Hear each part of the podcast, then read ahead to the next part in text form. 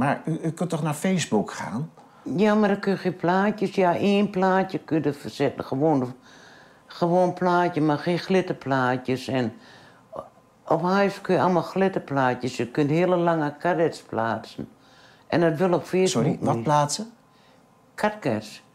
Dat zijn eh, allemaal plaatjes onder elkaar. En dat kun je op Facebook niet.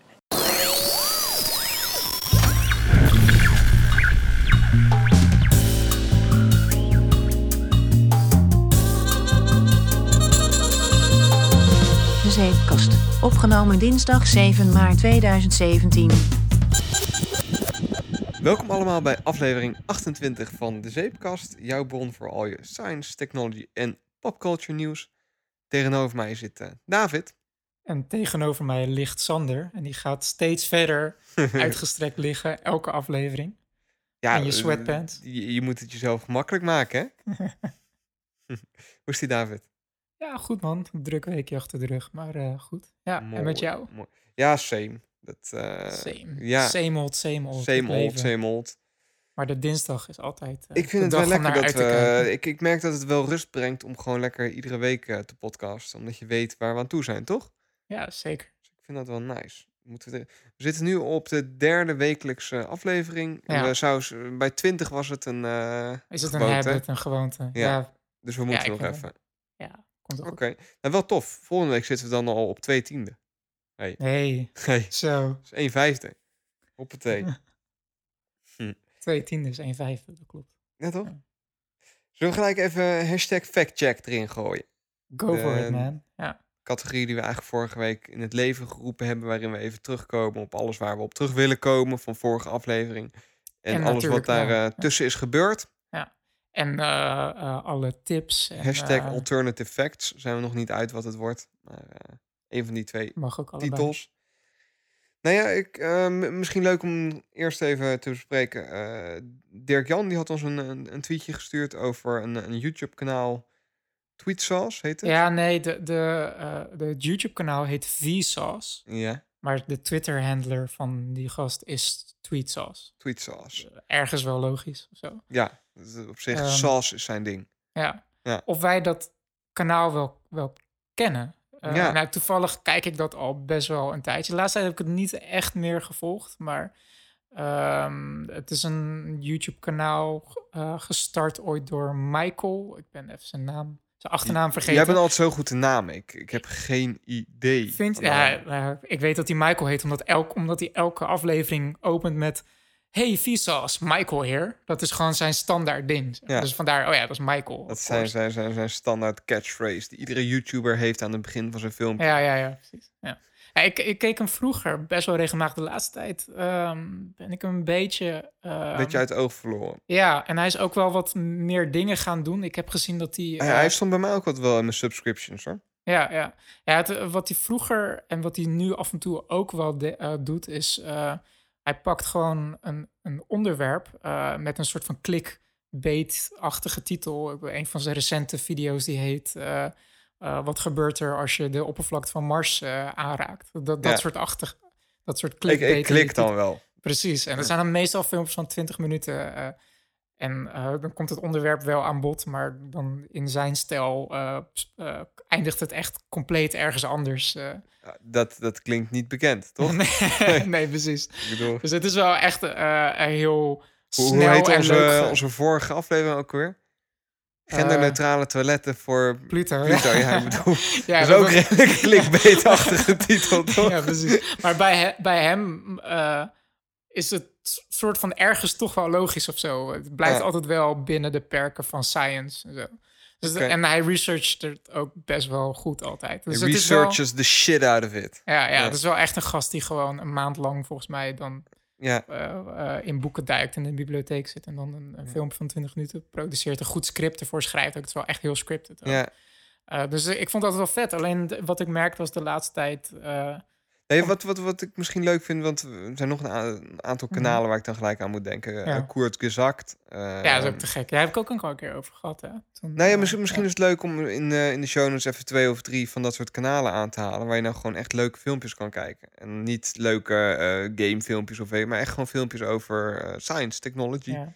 En- Procrastination, Ja. maar dan nog soort van nuttig of zo. Ja, dat je, dat je iets leert tijdens het, eh het Gen- YouTube. general knowledge procrastination. Dat Ja. is wel echt een van de leukste vormen van nou ja, daar heb je nog wat aan qua Ja. pro, procra- Ik kan het woord nooit uitspreken. Procrastination. Wat, wat is het? Procrastination. Eh, Het Nederlandse woord is makkelijker. Uitstellen. Uitstellen, uitstelgedrag. Ja, Nuttig uitstelgedrag. nuttig uitstel. Dat is wel, wel oké. Mijn, mijn uitstel, dat zei ik vanochtend tegen je. Op een of andere manier heb ik sinds Ja. vier dagen het, Ja, je hebt uitstel, een nieuwe... het uitstelgedrag dat ik, dat ik eh, eh, crossword puzzles speel. Op, eh, ik heb zo'n app van de New York Times. Ja. En die hebben dan elke dag een, een gratis eh, mini crossword puzzle. En die kan je dan nog echt binnen drie minuten eh, eh, doen. Dus dat is echt Ja. gewoon een ochtendritueel van eh, even de crossword mini puzzle van de Wel, dag. wel lekker retro hoor. Dat je ja, dan het slaat echt helemaal nergens op. Nee, maar Het dat is wel, echt- dat doen mensen al, eh, al sinds de 50s geloof ik. Inderdaad, in de krant iedere ochtend de crossword Ik puzzel heb het nog nooit gehad, crossword puzzles. Nog nooit. Ik heb wel- soms wel eens van die fases Ik vind dat het ik wel leuk. Ik Sudoku speel of zo. Maar ik, ik vind het wel leuk dat je het dan ook van, een, eh, van de New York Times doet, zeg maar. Dat is nog wel echt eh, ja, dat is, nostalgisch of zo. ja, en ze hebben dan een subs- subscription service, maar ze hebben best wel veel gratis puzzels en zo. Tegenwoordig is alles subscription-based, hè? Ja, Alles, dan moet je maand... Weet je waar ik laatst achter kwam? Dat vond ik zo stom. Een vriend van mij liet me dat zien. Jesse, die ook een keer heeft meegedaan aan, eh, De boekenkast. aan de boekenkast. ja. NRC, die heeft zo'n paywall, weet je wel? En Ja, je ja. kunt dan nu een abonnement nemen voor, Mhm. ik geloof, eh, 20 euro per maand of zo. En dan kun- 20 euro per maand? Geen idee, ik roep maar. Nee, voor, voor, voor een x, Ja. bedrag per maand. En dan krijg je in het weekend krijg je die krant. En je mag online mag je alles, eh, alles lezen. Op het Mhm. moment dat je dan ook naar een website gaat en dan druk je op een artikel... en dan kun je de eerste vier zinnen lezen en dan moet je betalen, zeg maar. Ja. Ehm, als je op dat artikel dan rechtermuisknop doet en zegt eh, laat incognito modus... dan kun je gewoon alle artikelen lezen. Serieus? ja, dat is echt crazy. Werkt dat nog steeds? Ja, Ja, tenminste, de as of eh, twee dagen geleden nog wel. Wow, ik ga dat vandaag proberen. Ja, dat, dat is echt crazy. dat Hij, hij deed dat toen in Chrome. Ik weet niet of het Chrome specific is, maar eh, ik, ik vond het Dat wel is echt. wel echt heel slecht Dan is je verdienmodel gewoon wel echt slecht. ja. Toch? Ja, ja. Maar ehm, eh, ja, Vsauce, eh, dat werd ons aangeraden. En eh, ja, het is een tof YouTube-kanaal. Ik wou alleen over zeggen dat ik het nu niet meer echt kijk. kijk omdat hij... De, de, de afstand tussen die, die scripted afleveringen steeds groter gaan worden. En dat Ja. komt ook omdat hij nu ook eh, eh, allerlei andere Nevenprojecten Ja, waarschijnlijk. hij, ja. hij doet nu eh, iets voor YouTube Red. Dat zit ook achter een paywall. En dat is nog niet in Nederland. En hij werkt ook, hij heeft nu ook een programma, of tenminste, ik weet niet of het een programma is, maar hij heeft nu ook een samenwerking met Adam Savage, die blonde Oh, gast van, van Mythbusters. Mythbusters, Ja, ja. Ah, dat is ook nice. wel geinig. Ja, nou ja, eh, dat zie je met heel veel YouTubers op de een of andere manier. Is dat niet hun... Ja, is dan een soort opstapje. Ja, En dat gebruiken ze als opstapje naar heel veel nevenactiviteiten. En vind ik daar, dat daardoor vaak ehm, kanalen wel in kwaliteit afnemen naarmate ze populairder worden. ja. Niet altijd hoor, maar Ja. Maar ik heb ook aan de andere kant zoiets van, van ja, op een gegeven moment kan ik me voorstellen dat je er met, het, met een bepaald format wel gewoon een beetje klaar bent of zo. En dat je toe bent aan eh, iets veranderen of zo. ja, nee, is ook wel zo. Weet je, dus... eh, Ja. eh, Je wilt niet over eh, tien jaar 50 zal jaar de hetzelfde gitaarriffje spelen, zeg ja. maar. inside joke. Ja, Ehm, ja, dus... maar ja, Visuals is vet. ja. Ja. Dus we, zullen wij een top 3 YouTube-kanalen even in de show notes knallen? Sure. Tof, dan heb je weer wat te doen eh, van het weekend. Ja. Ehm, ja, toen hadden we nog een reactie van Ilko. Die stuurde ons, dat was wel grappig. Ja, die vond ik echt vet Ja, toevallig. die stuurde ja, ons ja, een, eh, ja. een tweetje over eh, de schrijver van het boek waar jij het over had. Eh, Homo, Yuval- Homo Deus. Yuval Harari, de schrijver Ja. van Sapiens en Homo En, Deus. en hoe ja. hij meditatie gebruikt heeft om een betere historicus te worden. Ja, mindfulness, ja. En daar hadden wij toevallig, want wij, hoe onze dagbesteding tegenwoordig uitziet, we doen op, op dinsdag overdag doen we wat research en dan eh, bereiden we afleveringen voor, Mhm. wat helemaal niet voorbereid klinkt. Hè? En dan eh, daar hadden we het dus eh, daarover dat, dat jij begonnen bent met een nieuwe app. ja, nou ja, ik ben sinds, ja, wat zal zijn, drie weken een beetje begonnen met elke dag een beetje mindfulness. En dat Ja. is gewoon een soort van Het past sowieso wel in, in, in, in jouw recent vibes, zeg maar. Met het, het bijhouden van eh, boekjes en eh, allemaal eh, zelfhulp. Ja, noem dat? Ja, Zelfhulp? nou ja, zelfhulp ergens wel. Misschien meer van op zoek gaan naar the perfect you of You're zo. lost, man. You're Ja. lost and you're Ja. searching. Ja. Dat een beetje. ja, precies. Nee, Ja. maar gewoon een soort van systemen voor jezelf bedenken Ja. om, wa- wat, om gewoon de, de, de, de perfect, de, de goal, de, het, de weg zoeken naar je perfect self of zo. Nee, dat, dat is wel grappig dat je dat, dat zo brengt inderdaad. Want je hebt dat appje aan me aangeraden. Eh, de manier waarop je dat pitchte was... eh, want wij zijn alle twee heel anti-zweefteverig, zeg maar. Nou ja, we zijn gewoon allebei heel, heel, ja, heel sceptisch en heel rationeel. Dat Ja, kan je wel als- als, zeggen. eh, ja. Als, als, als ik in een zaal zou zitten met mensen die aan het mediteren zijn... en er staat iemand zo heel rustig tegen mij te praten... En er staat een zo'n cd naar mijn inner zelf op zoek moet. En en er ja, dan staat zit ik daar boom, zo'n echt- boombox met zo'n toon. Dat- ja. Op de achtergrond, ja. dan ga ik daar zitten. Dan ga ik mezelf afvragen, wat, waar, waar, waar ben ik mee Ja, bezig? De inner zelf, je eigen ik en allemaal van dat soort vage termen. Dat, dat is voor mij niet weggelegd. Dat is veel te... Ja, dus jij vond het ook een beetje gek toen ik tegen jou zei van ja, ik ben begonnen ik, met dacht, mindfulness. Ja. ik dacht, nou breek mijn klomp. David, David, die gaat, eh, gaat mediteren. Ik zie jou al zitten hier midden in je woonkamertje in de kleermaker zit met... eh weet je, om, ja, dat nee, dat doe ik dus niet ook. En dat is dus ook de soort van de, de eh, ja, hoe moet je dat zeggen? De im, ima, het imago wat, wat meditatie heeft. Ja. Of zo. Want die, die app die je me ja. aanraadt, mis- misschien moet je hem even naar luisteraars pitchen zoals je hem naar mij pitchte. Dat is wel, eh, wel, wel grappig. Nou, het, ik- eigenlijk wat ik tegen jou zei, stond gewoon letterlijk in de, in de beschrijving van de app. Want de app waar ik het over heb, Ja. waar we het over hebben, is 10% happier. En dat is overigens niet de eerste meditatie-app waar ik mee ben begonnen. Ik had daarvoor had ik ook een andere app Mhm. gebruikt. Alleen wat je ziet is dat heel veel apps die hebben ook weer zo'n paywall van oké, Ja. je kan je kan het eh, eh, tot hier gratis gebruiken en dan moet je betalen. En eh, ik was eerst begonnen met Headspace. Ehm, en die, die hadden dan een soort van cursus, introductiecursus van echt 10 een hele goede naam voor een meditatie-app ja, trouwens, supergoed. Ja, Ja. het is ook Headspace is ook echt vet goed ontworpen. Gewoon de graphics, want Ja. je, je hebt dan eh, dus ik begin met Headspace te pitchen eigenlijk. eh, is de, dat je een cursus krijgt van 10 dagen. Ja, Eh, dus je kan het 10 dagen in principe gratis gebruiken. Maar je kan ook oneindig die 10 dagen overnieuw doen. tuurlijk. Ja, dat is een beetje pointless, vind ik Be- ergens. Een beetje repetitive dan op een gegeven Ja, moment. maar het, je- het, ja. het wordt dan een beetje uitgelegd hoe het werkt en, en wat het wel is en wat het niet is. Heeft een beetje dezelfde op, op, op, op een schaal van 0 tot 10, hoe zweverig is het? headspace. Headspace. Ehm 7,5. Oké, dus het ehm, gaat wel richting het zweverige spectrum. Ehm, nou, de enige reden waarom ik het richting het zweverige spectrum vind gaan, is door de, de gast die het inspreekt. Wel- Die ook de bedenker. Hij heeft een hele super zachte en, en hij heeft ook een Australisch accent. Niet dat oh het ja, dat uitmaakt, niet. maar het is. maar ja, het natuurlijk gewoon- maakt dat wel Ja, uit. Dat is allemaal beeldvorming over hoe je in zo'n app staat. Maar hij heeft het helemaal eh, losgekoppeld van, van de magic crystals en eh, eh, whatever. Maar ehm, ja, er, er zitten ook allemaal animatiefilmpjes in zo. En dat is echt heel vet gedaan en ook heel goed uitgelegd. Ik vond het echt heel vet. Want waardoor ik wel twijfelde van... Ja, Headspace is eigenlijk wel Dat- heel dat vind ik- hipster en millennial, maar het is wel vet of zo. Even, even, want dat vind ik wel leuk aan die nieuwe verdienmodellen. Je moet Ja. wel echt goed je best doen om mensen Ja. te laten betalen. Ja. Waardoor over het algemeen echt goede apps Ja. beloond worden. Ja. Je kunt niet per ongeluk een app kopen die je achteraf toch niet zo tof vindt. Ja, Of het moet zo zijn dat hij de eerste tien afleveringen heel goed heeft ontworpen. En daarna eigenlijk een beetje. eh, ik moet zeggen, die gast van Headspace, die maakt het me wel moeilijk. Want ik vond het echt quality-wise, vond ik het echt te gek. Maar het was echt puur zijn stem waarvoor ik dacht, waarvan ik dacht van...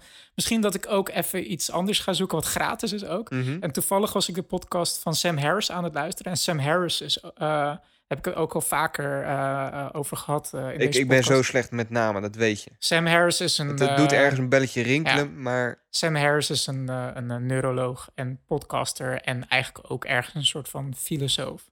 Ja. En hij heeft een podcast die heet Waking Up with Sam Harris. Hij heeft ook een aantal boeken geschreven over eh, rationalisme en, en reason en, en eh, moraliteit Hij in de wat je moderne zou, wereld. zou, zou kunnen noemen een autoriteit op dat gebied. Zeker, ja, Ja. zeker. Hij heeft ook een, een duidelijke mening over eh, wat is moraliteit. En daar in tijdens zijn podcast nodigt hij dan ook gasten uit om daarover te discussiëren. Dus dezelfde gast oh ja, dat weet waar hij ook zei dat hij, dat hij twee uur lang een discussie had over wat is waar. En Ja. dat eigenlijk niet het punt was van de podcast. Maar Dat, dat klopt. ja, Ja. dus dat is Sam Harris. En twee had- afleveringen geleden ja, of zo. had vrij recent had hij een aflevering met, eh, nou die naam ben ik dan weer wel kwijt, maar eh, een van de tussen haakjes meesters van de 10% Happier app over meditatie. Want. Sam Harris is ook een grote eh, voorstander van eh, meditatie. En hij is zelf trouwens ook bezig met een meditatie app. En eh, Sam Harris is ook wel echt iemand die gewoon in het verleden ook naar eh, van die ver- vertrekken is geweest om gewoon twee weken niet te ja, praten van, en dat van soort die dingen. spa's. En van die, exactly, ja, exactly. dat, maar dat dat- je gaat mediteren met boe- boeddhistische monniken en, en ja, dat soort Ja, dingen. nou, het hoeft niet per se boeddhistische monniken te zijn, maar wel gewoon een, een afgelegen plek waarin je gewoon een, een dagelijkse routine hebt en waar je gewoon alleen met je eigen mind bezig bent Ja. en niet hoeft te praten en hoeft te socializen als het ware. Ja. Ehm, maar via, eh, via die podcast kwam ik dus ook eh, eh, achter de naam 10% Happier, die app. en ehm, dat was precies in de periode dat ik klaar was met Headspace en dacht van ja, ik, ik wil even eh, kijken of er andere opties Dus zijn. het was meant to be, jij en was- 10% happier. Ja, het universum sprak tegen me, Ja, zeg maar. een en, soort eh, kosmische ja, kracht ja. die... eh, en 10% Happier is eigenlijk een samenwerking tussen eh, ehm, de, de, de mindfulness meester... die er echt al eh, eh, jaren mee bezig is... mhm. en een, eh, een ABC-reporter die ooit Ja. een keer... Zo heb ik het Wat, tegen wat je dit vertel je aangepitcht. tegen... Ja, ik zat hierop te wachten, want ik, vind dat, ik vond dit een mooi verhaal. Ja. Dat klopt. Eh, dat is een ABC-anchorman eigenlijk... die ooit live op televisie een panic attack heeft gehad. Ehm, ik heb het niet opgezocht hoe dat eruit zag... maar ik heb er wel ergens een beeld bij hoe dat moet gegaan Ja, moet zijn. ja. En dat was een soort van wake-up call voor hem... van dat hij ergens iets op zoek moest gaan van... oké, er- ergens gaat iets niet goed. Het zit niet helemaal lekker. Ja. Ja. Eh, en dan is hij eh, ehm, gaan reizen en eh, heeft hij dus ook die andere meneer tegengekomen. En zo is hij in de mindfulness gerold. En ehm, hij zit dus ook in die, in die in- introductie- en lesfilmpjes van 10% Happier, waar hij constant uitlegt van, nou ja, ik ben net zo sceptisch. Ik ben gewoon een, een echt een super sceptische reporter. En ja, ik heb echt helemaal niks met, met Zweverig gedoe. Ja, maar, maar er is een scientific basis voor meditation. Gewoon Ja. de pure, de, de, de, de pure practice ervan. Dat heeft wel, dat kan je wel, eh, kan je waarde aan hechten Dat, dat zonder kan dat je je, onderbouwen. er, zo- dat kan je onderbouwen zonder de ceremoniële tradities ervan, zeg maar. ja, snap ik. En in de description van 10% Happier staat ook eh, eh, no need to clear your mind. Tussen haakjes because that's impossible. Ja, gelezen inderdaad. En eh, eh, ja, dit, dit is de app voor skep, voor fidgety skeptics. Voor sceptici. Mensen die er niet in die- geloven, die- die, moeten deze app eens proberen. Ja, dus eh, zo heb ik het eigenlijk aangepakt. Laat, laten wij dan, want jij gebruikt dan een tijdje, dan ga ik het Ja. komende week ga ik het, eh, Ja. ga ik het eens doen. Eén Ja. keer per dag doe je dat, geloof ik. Ja, elke dag, elke ochtend eigenlijk. Vijf tot en tien minuten. daar zit ook weer een paywall aan, geloof ik. Nou, dat is dus grappig, want ik daar zit ook een paywall bij. De, het is iets van 80 euro per jaar. Maar de, de gratis features, die zijn best oké. Die zijn best wel oké. Dus ik heb er nog steeds niet voor betaald. Terwijl ik eigenlijk voorbij de, de standaard cursus zit en zo. Oké, nou dan ga ik dat komende week eens proberen en dan komen we daar volgende aflevering even op terug. Wat vind je daarvan? Ik vind het helemaal top. Tof, dan, eh, dan gaan we dat sowieso doen.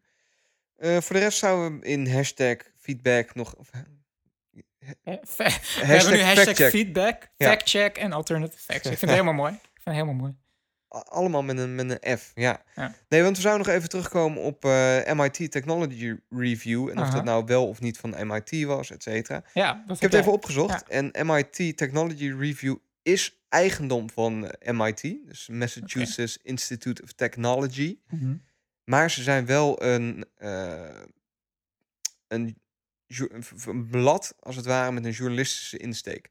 Ja. Dus zij zijn eigendom van MIT, maar zij zeggen dat die geen inspraak heeft binnen hun eh, berichtgeving. Hmm. Maar dat zij daardoor wel directere lijnen hebben met verschillende technologische Mhm. instituten. Ja. En daardoor verser het nieuws van de pers kunnen brengen, zeg maar. Ja. Dus dat is de rol die MIT Technology Review eh, speelt erin. Ik ben heel benieuwd hoe onafhankelijk ze uiteindelijk kunnen zijn. Maar ik snap... eh, Ik, ik denk wel dat dat redelijk onafhankelijk is hoor. Want volgens mij is het als, als, als, als media... val je ontzettend snel door de mand als je niet onafhankelijk bent. mhm, Dat, dat, dat proef je als lezer, proef je dat ook heel snel. ja. Als ik jou vraag, is de Telegraaf onafhankelijk? Of brengt hij wel eens gekleurd nieuws? Eh, nou ja, eh, ik ben, laat ik het zeggen, dat ik geen telegraaflezer ben. Nee, oké. Een slecht voorbeeld misschien. F- ja, dus misschien meer gekleurd en niet onafhan- onafhankelijk. Ik wou Ja, ik wou net Fox, zeggen, Fox ja, News ja. Als, als voor. Maar ik denk dat, je als... Ze hebben niet, eh, ehm, hoe zeg je dat, een allegiance aan een bepaalde factie. Maar ze hebben wel een duidelijke Voorkeur, invalshoek- po- politieke voorkeur. invalshoek misschien. Over bepaalde topics. Ja. Nee, oké, dus daar, daar heb je misschien gelijk. Maar ik denk maar dat dat redelijk bewaakt wordt hoor. Binnen, tenminste, ik weet hoe het in Mhm. Nederland is. Dan is dat eh, bijna heilig. Dat je als Mhm. journalist probeert ehm, om, om niet afhankelijk te zijn. Hoewel Mhm. dat compleet onzin is. Want je bent altijd... Ik denk dat het een vrij onmogelijke taak is om... eh, Dat kan helemaal niet. Je, Nee. je wordt altijd beïnvloed van links en van rechts. Eh, je, je moet alleen heel goed hoor en wederhoor kunnen toepassen. Eh, dat Mhm. Ja. maakt je een goed, Ja. goede journalist, Ja. denk ik. Nee, ergens is het ook wel logisch dat het zit in de naam MIT. En het lijkt mij dat ze dat niet zomaar mogen doen als ze geen Nee. link hebben met. MIT. Nee. Nou ja, aan de andere kant ik vraag me af in hoeverre MIT de naam MIT kan beschermen. Zullen we gewoon vanaf nu de MIT podcast is een afkorting voor MIT Massachusetts. Sapecast kijken of we er problemen van Nee, dan zeggen gewoon, er staat voor MIT. ja, MIT. Wij zijn een Ja. Duitse, Duitse podcast. niet. MIT. Of ge- gewoon Ja. Miet, Sander en David noemen we het dan. Met Sander en David in Duits. Ja. Ik denk dat dat heel moeilijk te beschermen is, een term. Want het is ook nog eens een afkorting, hè? Ja, ja, ja. Ja. Dus, eh, Maar goed, Nee, Daar, maar eh, mooi daar om duidelijkheid even- over te hebben. even Ja. op terugkomen. En volgens mij hebben we dan alle, alle hashtag factchecks wel een beetje gehad. Ja. Toch? Het kunnen, we een, eh, nou, kunnen we nou beginnen, toch? Ja. Ja. Nee, want vorige aflevering hadden we besproken dat ik mij eens even zou gaan verdiepen in een bepaalde serie genaamd Black Mirror. Wil je daarmee beginnen? Want eh, ik, waar, waar, Ik, ik kan het nog even uitstellen, maar ik zit er wel echt al eh, Ja, twee, drie maar dagen waar, op. waar zeg mee zit is, moeten we dan een spoilerhorn gaan doen? Want we gaan wel spoilen. ja, dat is ook gek om een spoiler hoor midden in de aflevering te doen, hè? Ja. Nou, weet je wat, dan bewaren we hem nog even. Maar oh, ik wil het er zo graag over hebben. ik ben echt heel benieuwd of wat ik denk, of dat klopt. Wat jij van die... Dat, dat, dat, dat. Mocht, je, mocht je mee willen... pra- eh, eh, Find out after the break. Ja, het, sta- het staat in de show notes van de vorige aflevering welke afleveringen we gaan bespreken. Nou, Dus, eh, Dus als je, als je dat alsnog wilt, nou ja, goed, doe, doe daar wat mee. Oké, nou dan parkeren we die nog even. Ja. Dat, eh, dan hou ik nog even hè, mijn mond erover. Waar we het ook nog over eh, zouden hebben. Want onlangs is er een bedrijf naar de beurs gegaan, Snapchat. ja, die heet onder het mom van Snap Inc. En die Ja. hebben publicly En waar, ik eh, het dan, aandelen verkocht. Ja. waar ik het dan met je over wil hebben, want ik vind dat wij als Zeepkast niet gewoon het nieuws moeten herhalen. Nee, Ik wel, Snapchat naar de beurs gegaan en dat heeft vet veel meer opgeleverd dan dat iedereen had verwacht. En Ja. ze zijn superveel waard. Ja. Dat, dat, dat is het nieuws eigenlijk, heel Ja. kort door de bocht. in principe wel. Ik las trouwens net wel dat ze... Want het is nu, eh, wat zal het zijn, vijf dagen of zo eh, zijn ze... eh, Zoiets, zijn ze aan het traden en ze zijn, inmiddels zijn ze alweer aan het kelderen.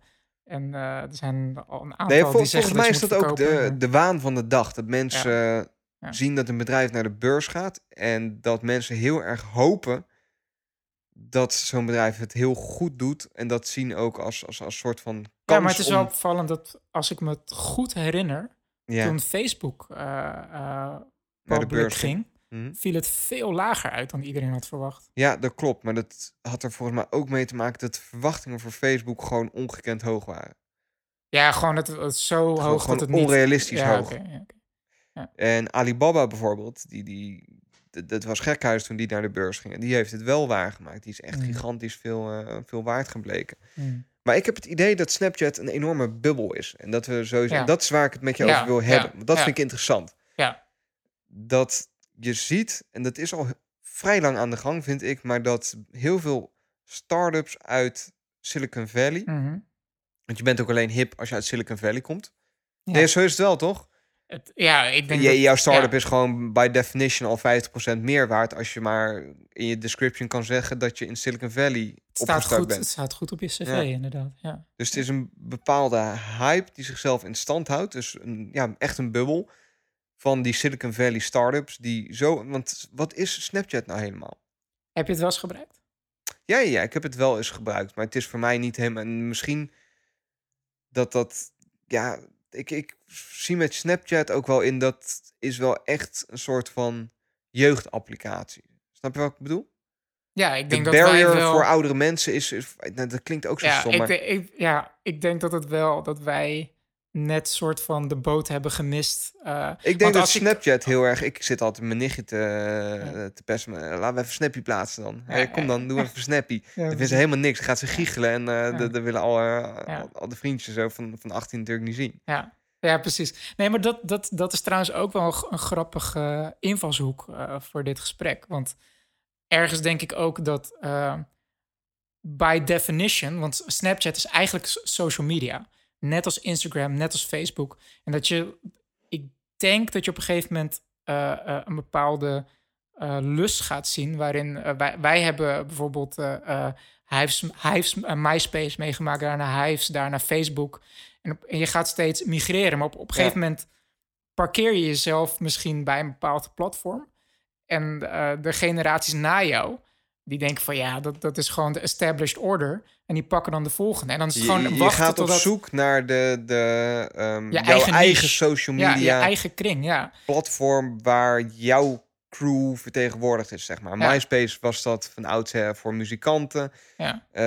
Hives was dat voor, voor, voor de Nederlanders, hoe stond het ook klinkt. We waren als Nederlanders heel trots dat we ons Ja. eigen sociale netwerk hadden dat aan het opboksen was tegen Facebook als het ware. Nou, toen werd er dan toch de populariteit af. En toen werden we een beetje gedwongen richting Facebook, omdat er volgens mij toen niet heel veel alternatieven waren. Mhm. En Facebook gewoon zoveel geld aan het gooien was dat ja, je, je moest op een gegeven moment. Moeten is Ja, heel maar groot ik woord. denk dat je nu ook het eh, niche eh, interpreteert als in eh, social structures binnen de huidige samenleving. Maar ik heb het meer over generaties en niet willen meedoen met, eh, als het ware, je ouders of, of eh, je, Ja, je mensen je boven je. Want daar ben, Dat ik weet niet of het klopt hoor, maar ik ben gewoon heel benieuwd Ik vond dat het, naarmate de tijd vordert, dat als Snapchat echt toen, eh, toen ik ge- jonger was, ja. vond ik het vervelend dat op een gegeven moment ook heel veel ouderen op Hives kwamen. precies, En precies. type Dat zie je nu ook met dat Facebook. Je, dat, Ja. dat je begon te zien, eh, begon ook te veranderen. Omdat ouderen vaak jongere cultuur niet snappen. Dat klinkt Ja. heel stom, maar jouw type afkortingen en dat proberen ze dan wel mee te doen. Ja. Ik hoor mij nou praten over ouderen. Ik ben zelf tegenwoordig bijna 30, weet je wel. Maar dan, dan, dan probeer je daarin mee te komen, maar net op een verkeerde manier. Als je, weet je wel, als je, als, als, als je, je oom die smileys gebruikt. bij spreken, weet je wel. ja. Dat, Ja. nee, maar da- daar zie je dat heel goed in terug. Ja. Dat, dat, dat, ja, dat, dat voelt net even anders. Ik weet nog goed toen mijn moeder de eerste emoji naar me stuurde. Dat was echt hilarisch. Dat, dat voelt anders, toch? Ja.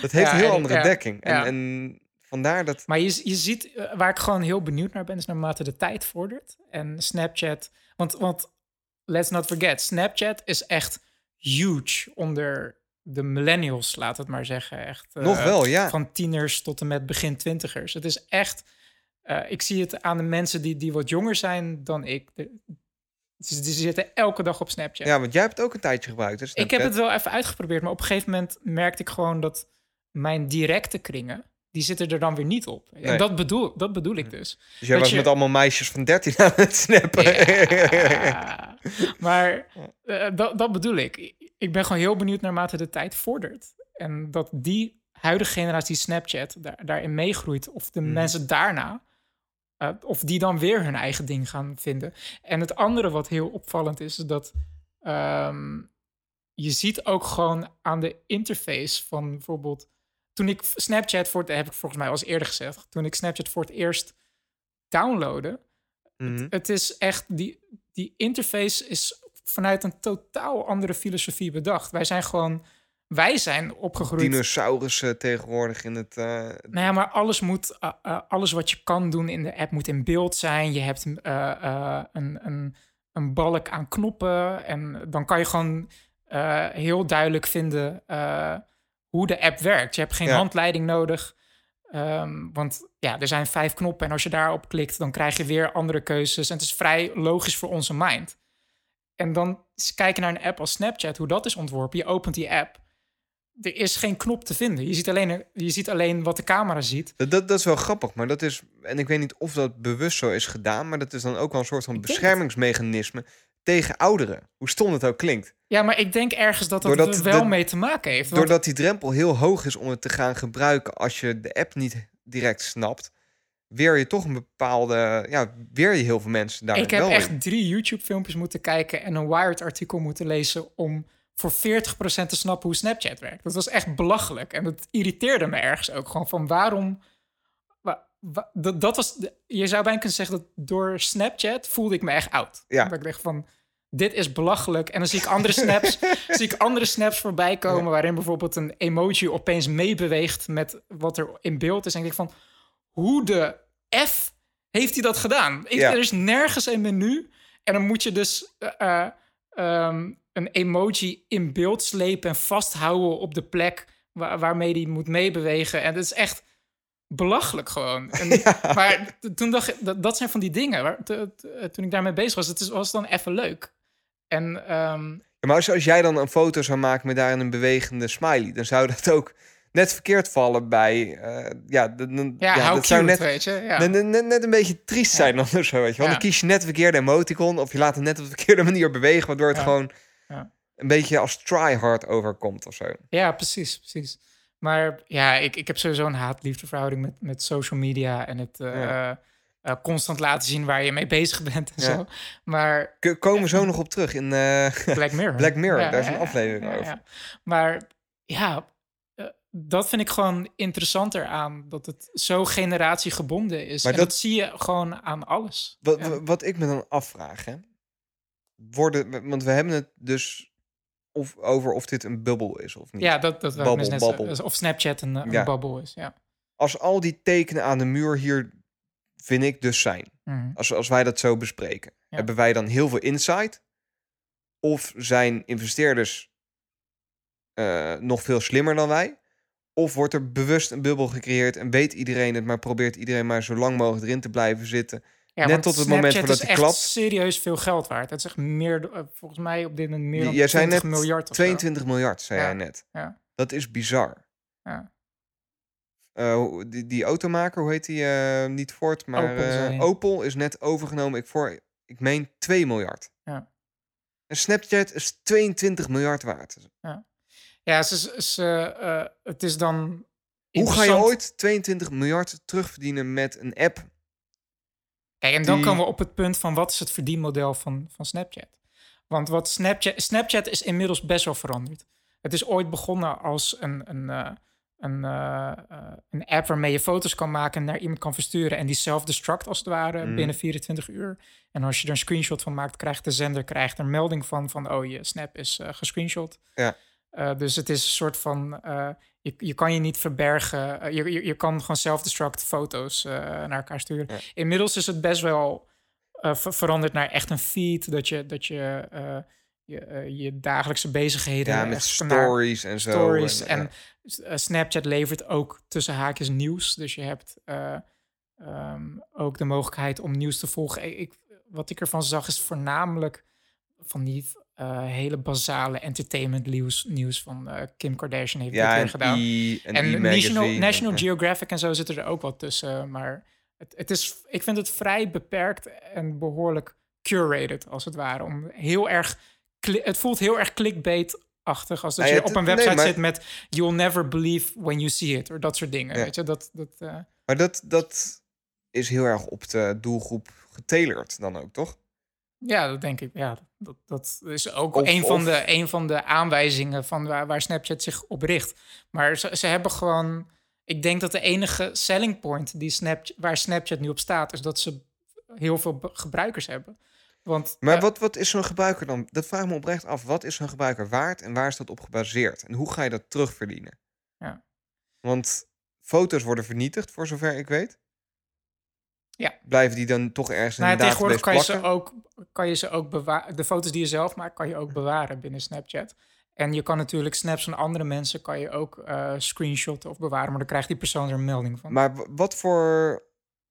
Kijk, met Facebook kan ik me nog voorstellen dat je daar meer waardevolle data uit kan halen. eh, in termen van je kan bepaalde algoritmes laten zoeken naar wat ik like. Als Mhm. ik eh, Domino's Pizza en New York Pizza like, zou je kunnen zeggen: hij is een pizza-fan. ja, Weet je wel? ja, ja. dat Ja, lijkt me bij Snapchat lijkt me dat ja. moeilijker. Hoe, hoe kan je. ehm, nou ja, wa- wat Snapchat dus. Ik denk eh, hoe Snapchat dat doet, is dat je Mhm. ook eh, eh, geofilters hebt. Dus als je bijvoorbeeld naar een concert gaat, dat doet Snapchat serieus best wel goed. Dan ehm, eh, heeft Snapchat daar bepaalde filters voor. Dat als je daar tijdens een concert bijvoorbeeld een filmpje schiet of een foto maakt, dat je daar een, een, een, een, eh, een custom eh, door Snapchat gemaakt plaatje Mhm. bij zet van ik ben nu bij dit concert van Beyoncé, ik noem maar wat. Ja. Dus dan eh, eh, op die manier verzamelen ze wel eh, eh, gedragsdata, als Ja. het ware, van, van eh, eh, mensen. Of ik ben nu naar deze film geweest, of ik kijk nu deze tv-serie. Ja. Eh, wat Shaza- Shazam ook een, tij- eh, een tijdje heeft gedaan met die audio eh, fingerprints als je Ja. een film kijkt en zo. En denk Dus, jij dat dat aan zich, dat, dat kan toch nooit 22 miljard opleveren? Ik heb geen idee. Ik, weet, ik denk dat het, het enige wat ik denk is dat de tijd zal het leren. Want in Ik- principe ik- is het fenomeen social media nog steeds vrij jong. Ja, nee, is zo. Je, maar dus- je ziet wel dat die bedrijven steeds gekkere bedragen ophalen bij hun IPO's, dus bij hun beursgang. Ja, wat, wat ik grappig vind is dat het, het heel veel ideeën die Snapchat eh, eh, aan tafel heeft gebracht binnen de social media Die worden eh, gewoon wereld, gekopieerd. vet gekopieerd. Gewoon Instagram- Instagram, doet nu bijna hetzelfde. Die neemt ze, gewoon alles over. ze hebben de, de naam volgens mij nauwelijks veranderd. Het heet Instagram Stories. Ja. Eh, ik zag laatst screenshots voorbij komen dat eh, Facebook ook nu met eh camerafilters bezig is en zo in de, in de Messenger-app van Facebook. Dus wat, wat is je idee dan nog waard? Weet je? Ja, ik, ik, of ik onderschat heimelijk hoeveel data nou echt waard is. Ik denk sowieso dat, dat Snapchat best wel veel data verzamelt hoor. Maar ehm, ik las sowieso op Bloomberg dat, dat Instagram nog steeds eh, met verlies draait. Dus eh, Ja. Nee, ja, en dat vind ik zo bijzonder eraan. Dat tegenwoordig het doel van bedrijven vaak niet zozeer is. En ik weet niet of dat tegenwoordig is. Misschien dat ik nu pas eh, slim en geïnteresseerd genoeg ben om me überhaupt te verdiepen in financieel nieuws. Dat kan ook. ja. Maar met Spotify, dat is ook zo'n mooi voorbeeld van. Dat is ook zo'n grote, eh, nou, eigenlijk internet-startup. Ik bedoel, hun, hun verdienmodel is eigenlijk een app. Die al Mhm. jaren met verlies draait. En alsnog kan blijven bestaan. En dat vind ik zoiets... ja, dat heeft denk ik toch eh, te maken met de, dat eh, investeerders eh, Mhm. de toekomst, de groeipotentie ervoor inzien. Op het moment dat je de, op, op het moment dat je de, de groeipotentie van iets niet meer ziet, dan Mhm. zit je in de problemen. Dat is zel- hetzelfde probleem wat, wat Apple heeft met dat ze, ze verdienen bucketloads aan geld met de iPhone en de iPad. Maar ze, Apple weet de investeerder niet te overtuigen wat de, de, de toekomstige groei is. Ik bedoel, het is leuk dat ze, dat ze evenveel of iets minder iPads verkopen als vorig jaar. Maar als het niet year over year meer is dan vorig jaar, dan, dan krijgt de investeerder, die, die, die, eh, die wordt zenuwachtig, want het moet groeien. Weet je, dus da- dat, ik, dat is ik blijf eh, dat iets... iets- Ik bedoel, zo- er zo'n rare steeds- wereld vinden. Spotify heeft, heeft gewoon nog steeds de potentie. Ik, ze hebben pas announced dat ze 50 miljoen gebruikers eh, hebben. Ja, Eh, ten opzichte van 20 miljoen van Apple Music. Ehm, maar dat, er is nog steeds potentie om, om die userbase, na, naarmate het steeds meer mensen. eh, ik, ik vind dit wel eh, heel interessant om hiervan ook specifiek dit onderwerp te horen. Als jij hier meer, als, als een van de luisteraars hier meer insight over heeft. Want ik zou dit heel graag willen snappen. hmm, Hoe dat nou in elkaar zit. En ik merk dat ik mijn vinger er niet op kan leggen. Dat ik oprecht niet snap hoe een bedrijf. En dan Spotify is misschien een slecht voorbeeld. Want hmm. daar snap ik van, dat zal op een gegeven moment geld op kunnen gaan leveren. En dat vind ik gewoon een mooie start-up, van ik ook denk dat dat kan gaan werken.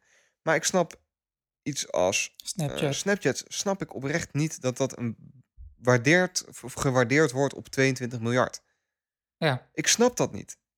Ja. En is er iemand die mij dat kan uitleggen? Mis ik daar iets in? Of is het inderdaad echt zo dat het gewoon een bubbel is waar investeerders zo lang mogelijk in blijven zitten en dan op het juiste moment uit willen springen, eh, terwijl ze allemaal weten dat het ooit gaat klappen? Dat, dat is waar ik eigenlijk antwoord op wil hebben. Ja, cool. Ja, dus e- luisteraars, eens, ja, als ja. iemand dat weet, laat, want ik ben daar oprecht benieuwd naar en ik, ik kan het niet vinden. Ja, ja. Wil ik het nog even, ik- want ja, ik denk echt dat het een temporary iets is en dat het wachten is. Totdat er weer een nieuw, nog hipper platform heeft. Die echt nul knoppen heeft. Ja, dat je alles je helemaal niet meer snapt. Ja. Moet, je, moet, je gewoon straat, moet je gewoon straattaal gebruiken om die app te bedienen. Want anders eh, werkt het niet of zo. En wat, wat ik ehm, daarnaast, want we hadden het even al over Spotify. Die staat helemaal niet op ons talking Mhm. points listje, maar ik, ik, ik ga het er gewoon over hebben. Ja. Ik zit er serieus over te denken om af te stappen van Apple Music. Ik heb dat nu een aantal, Oh ja, ja, ja, ik denk een half ja. jaar gebruikt. Ik heb zo'n family subscription. En We wijken echt totaal af van de talking points. het gaat helemaal. Nee, maar dat geeft, we hebben heel de ochtend lopen voorbereiden, allemaal dingen lopen lezen en we gaan het over hele andere dingen ja, ja, go, go ahead, ga door. Nee, maar ik zit er, en dat wil ik dan niet een te big deal van maken, maar ik zit erover te denken om weer terug te gaan naar Spotify. Ja, Reden daarvan is, en volgens mij is dat ook, is dat te maken met, ehm, ja, weet ik niet, misschien toch meer, ik, ik vind Spotify misschien iets meer een globale muziekdienst, waar Apple Music heel Amerikaans is. Dat Nou, kan ik, ik, denk wat jij, ik denk wat jij hebt, Mhm. is gewoon puur de numbers game. Spotify heeft 50 miljoen gebruikers en Apple Music heeft 20 miljoen. Als je in Mhm. jouw vriendenkring een playlist wil delen, dan is de kans vrij groot dat dat Mhm. via Spotify moet. En niet Nee, via Apple Music. Ik denk dat dat het is. Wat, wat, wat voor mij ook een enorm eh, punt is, ik ga vrij vaak naar festivals. Ik heb onlangs mijn Lowlands kaarten gekocht. Mhm. En daar kijk ik enorm naar uit. Ja. En dan ga ik helemaal enthousiast zoeken op Apple Music. Lowlands playlist. Eh, Ja. Ja. Spotify is gewoon een Lowlands playlist. Oh, Wordt ja, ja, bijgehouden. Ja. Eh, Hetzelfde vorig jaar, Best Kept Secret. Eh, eh, al die, Ja. gewoon van die evenementen. Ik wil gewoon dan alle artiesten die daar staan een beetje leren kennen. Ja. En dan hoef ik toch niet zelf daar een playlist van te maken. Ik, en ik snap dat niet zo goed. Ja, ja, nee, dat. Oké, dus eh, de, eh, als het ware de marketing, als het Ik, ware. ik, ging naar, veel- eh, ik ging later ook weer naar een concert van... ehm, Maar dat vind ik dan toch gek, want ik, Apple Music heeft dan ook. heeft gewoon een Nederlandse divisie die ook Nederlandse playlists ik maakt. weet niet wat die aan het doen zijn. En ik bedoel, weet niet of ik ze nou gewoon de- enorm de, op beste, de... de beste neder, nederpop hits. Ik noem Maar van, van de jaren Misschien 90, moeten we hier een beetje oppassen. Misschien curaten zij ook wel de, de podcast playlist. Als we ze nu gaan bekritiseren, dan komen we nergens meer. Het is vast een ander team. Dus Ja, gewoon een, eh, een gast die over podcast gaat Ja. en een gast over muziek. Maar wa- wat je zegt, het is eigenlijk heel gek. Want ik weet, ik weet gewoon vrij zeker dat ze de mensen hebben om dat te doen. ik gaf laatst niet. Siri gaf Ja. ik een opdracht. Want dat, vind, dat was een van de big selling points voor mij... voor- om lekker Apple Music ja, te voor gebruiken. mij ook. Ja, ja. Ik zeg, hey Siri, play the greatest hits of the 80s. Ja. Doet hij niet. Nee? Bij mij niet. Ik zal het nog eens Wel, proberen. Dat, dat werkt gewoon hoor. Play the greatest hits of the 80s. Sorry. Sorry, Sander, but you know I don't listen to hits music. What? Dat snap ze. eh, Ben ik nou heel Maar, onduidelijk? nee, maar dat, dat is de grap, want snapt het wel. I don't listen to hits music. Of is het de- gewoon toeval- toevallig van, oké, music. eh, ik ken geen artiest die hits heet of zo. Ja, zoiets. Nou, maar er staat ook Maar echt, als Nee, query dit- staat... Play maar- the greatest hits of the 80s. Dat staat er. Maar dat vind, ik, dat vind ik gek, want ik kan me zelfs herinneren dat het feit dat je een bepaald muziek uit een bepaald jaartal kan afspelen, is zelfs tijdens een keynote aange Daarom. aangekondigd op on stage. Dus dit... Wacht, ik wil dit even uitzoeken, want dit, dit snap ik niet. Hey Siri, play me the greatest hits from the 80s. Hier. ja, Oké, maar top songs over de 80s coming up. uit, uit een wetenschappelijk oogpunt is het natuurlijk heel verkeerd. Lekker dit, hè? Ja. Maar jij geeft een andere zoekopdracht dan ik. Jij zegt ten eerste al hey Siri ervoor. Ja, maar Ik dat is zei om het te activeren, want ik heb een Play 6S. me the greatest hits of the 80s. Ik zei precies hetzelfde. Play me the greatest hits from the 80s. Nee, from. Ik had of. Ja, dan, Nee, dan, dan is het een grammaticale fout. Ja, maar dan nog. Dus Ja. dat, dat, maar dat, dat is misschien voor mij ook wel de, de druppel die de emmer deed overlopen. Ja, nee, maar kan ik me heel goed voorstellen. dat dus de Ja. feature die ik het Ja. tofste vind en waarom ik eigenlijk voor mezelf Apple Music verdedig. Dat ik zeg van nee, maar Apple Music dat werkt zo lekker met Siri.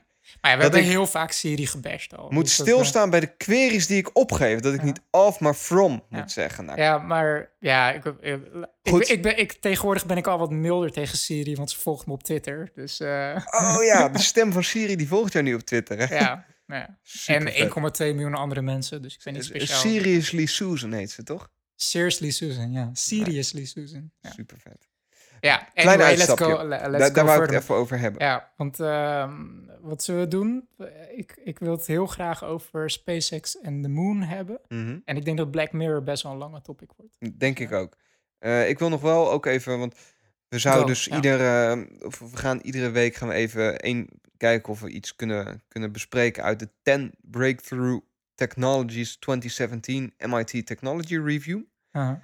Ik heb er eh, dit keer ook weer even naar lopen kijken. Ik merk dat ik sommige dingen gaan mij te diep of daar kan ik te Niet, Als- als ik niet het op een over heb- dinsdagochtend even. Nee, maar als, als we het over gaan hebben, dan wil ik wel dingen vertellen die waar zijn en die een beetje ergens op slaan, weet je wel. Dus er staat een stukje in ook over quantum technology computers. Vind ik Ja. heel tof, maar daar moet ik gewoon me echt meer in verdiepen. Dat is kan ik wel niet een in een hele ochtendje... vette Kurt Kazacht filmpje over, over quantum computers. Oké, nou dan gaan we daar misschien nog in de toekomst over hebben. Maar wat, wat mij nu wel intrigeerde, was een artikeltje dat erin staat over die celatlas. Mhm. En dat is namelijk een project en daar zijn ze nu mee bezig. En dat sprak mij wel tot de verbeelding. Wat ze namelijk doen, of waar ze mee gaan beginnen, ze gaan met, met meerdere technologieën, gaan ze eh, heel het menselijk lichaam compleet in beeld brengen. Nou, Mhm. dan denk ik van, als ik mijn geschiedenis, of mijn, nee, eh, geschiedenis, nee, mijn eh, biologieboek open doe, dan staan er toch plaatjes in. Maar tot op celniveau, en zelfs nog dieper. Dus van iedere cel, ook zelfs welke genen er in een cel zitten. Oké, dus, ehm, wat, want je had het wel al eerder soort van aan me verteld. Ja, Maar ehm, wat ik toen meteen dacht was, oh, ze gaan in kaart brengen waar in je lichaam welke cellen zitten en zo. En dan, denk ik, dus en dan dacht, ik, dacht ik gelijk van ja, maar elke persoon is verschillend. Maar eh, als ik je goed begrijp, is gaan ze, dat ze gewoon een eh, categorieën gaan maken Mhm. van elke cel Ze- Ze hebben door, doordat ze er hiermee bezig zijn, bestaat. Ja? hebben ze ook al een aantal extra soorten cellen ontdekt, als het ware. Die net op, eh, op, op, op, eh, hoe zeg je dat? Niet op celniveau, maar op, op, op zeg maar moleculair niveau Mhm. nog net even anders Oh ja, uit. ja, dus ze hebben een nieuw type eh, retina-cellen ontdekt, die Mhm. dus decades niet ontdekt is. Maar puur doordat ze iedere cel nu door zijn gemeten hoe die exact in elkaar zit, hebben ze kon, kunnen constateren dat er, dat er extra cellen Dus eh, vroeger was, zijn. werd gewoon gedacht van oh, een hoorn, hoornvlies bestaat uit, eh, even heel kort door de bocht gezegd, hoornvliescellen.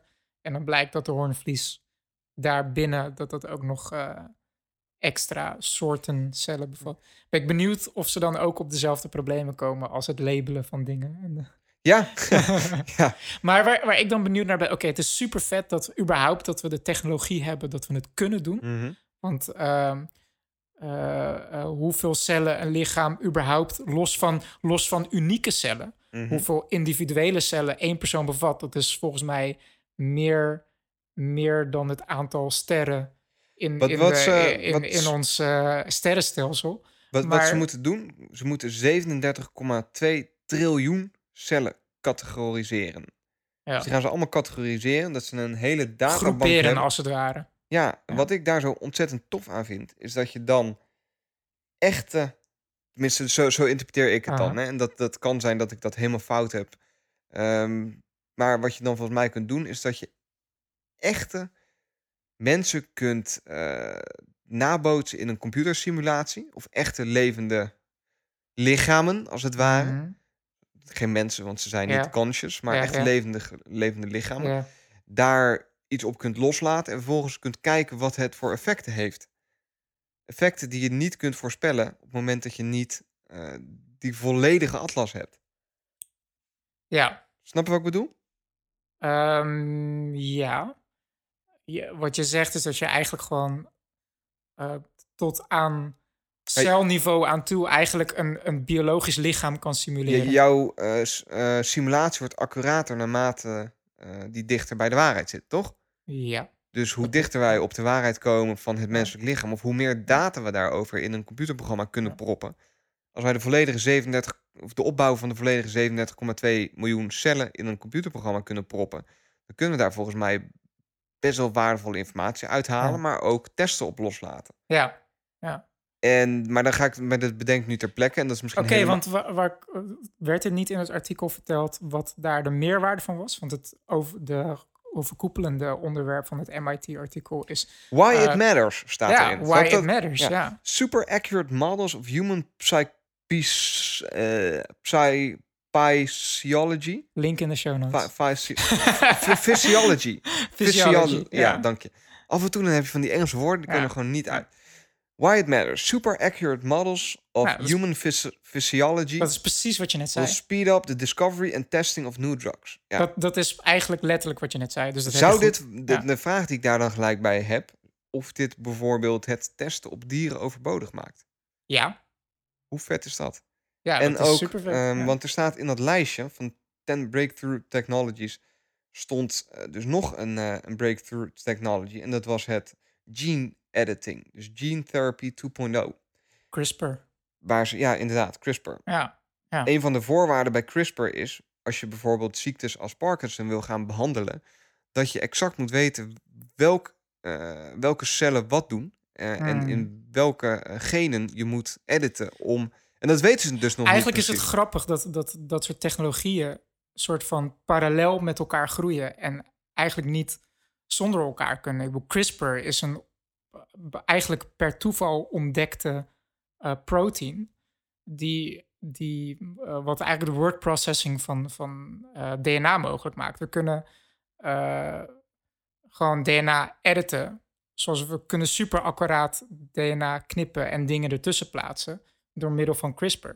Maar dan moet je wel een kaart hebben waar je dat moet doen. En dat is eigenlijk wat, wat de, Ja, de, dat- de dat- Project... Wat Dat vind ik jij zo nu, mooi. ja. Ik was verschillende van die artikelen aan het lezen en ik, en misschien doe ik dat helemaal ten onrechte, maar zie dan wel bepaalde parallellen waar ze elkaar zouden kunnen ondersteunen. Dus ehm, ik, ik zit even snel in dat artikeltje te scannen, want er was ja, er, zijn, er, zijn, er zijn gewoon heel veel eh, eh, interessante ontwikkelingen op, op dit niveau, op, op, op genetics. Ja, Want, dus als, eh, je, als je dan dat geen, geen stukje leest, dan staat er een stukje over in diseases like SCID, dat is een bepaalde Mhm. eh, ziekte. Eh, and hemophilia scientists know the precise genetic mutation that is to blame. But diseases like Alzheimer, diabetes and heart failure involve multiple genes. And the same ones aren't all involved in all people with those conditions. En daarna las ik dat andere artikel. En toen dacht ik ineens, hey, dit zou daar best wel eens bij kunnen helpen. Ja, En daar, dat, dat vind ik heel. Ja, zeker, Het spreekt tot de ja. verbeelding over hoe lang hebben wij echt het menselijk lichaam als het ware overwonnen. Nou er zijn nu al... Want dat is het, hè? een gevecht Ja, tegen ja. het menselijk lichaam. Ja.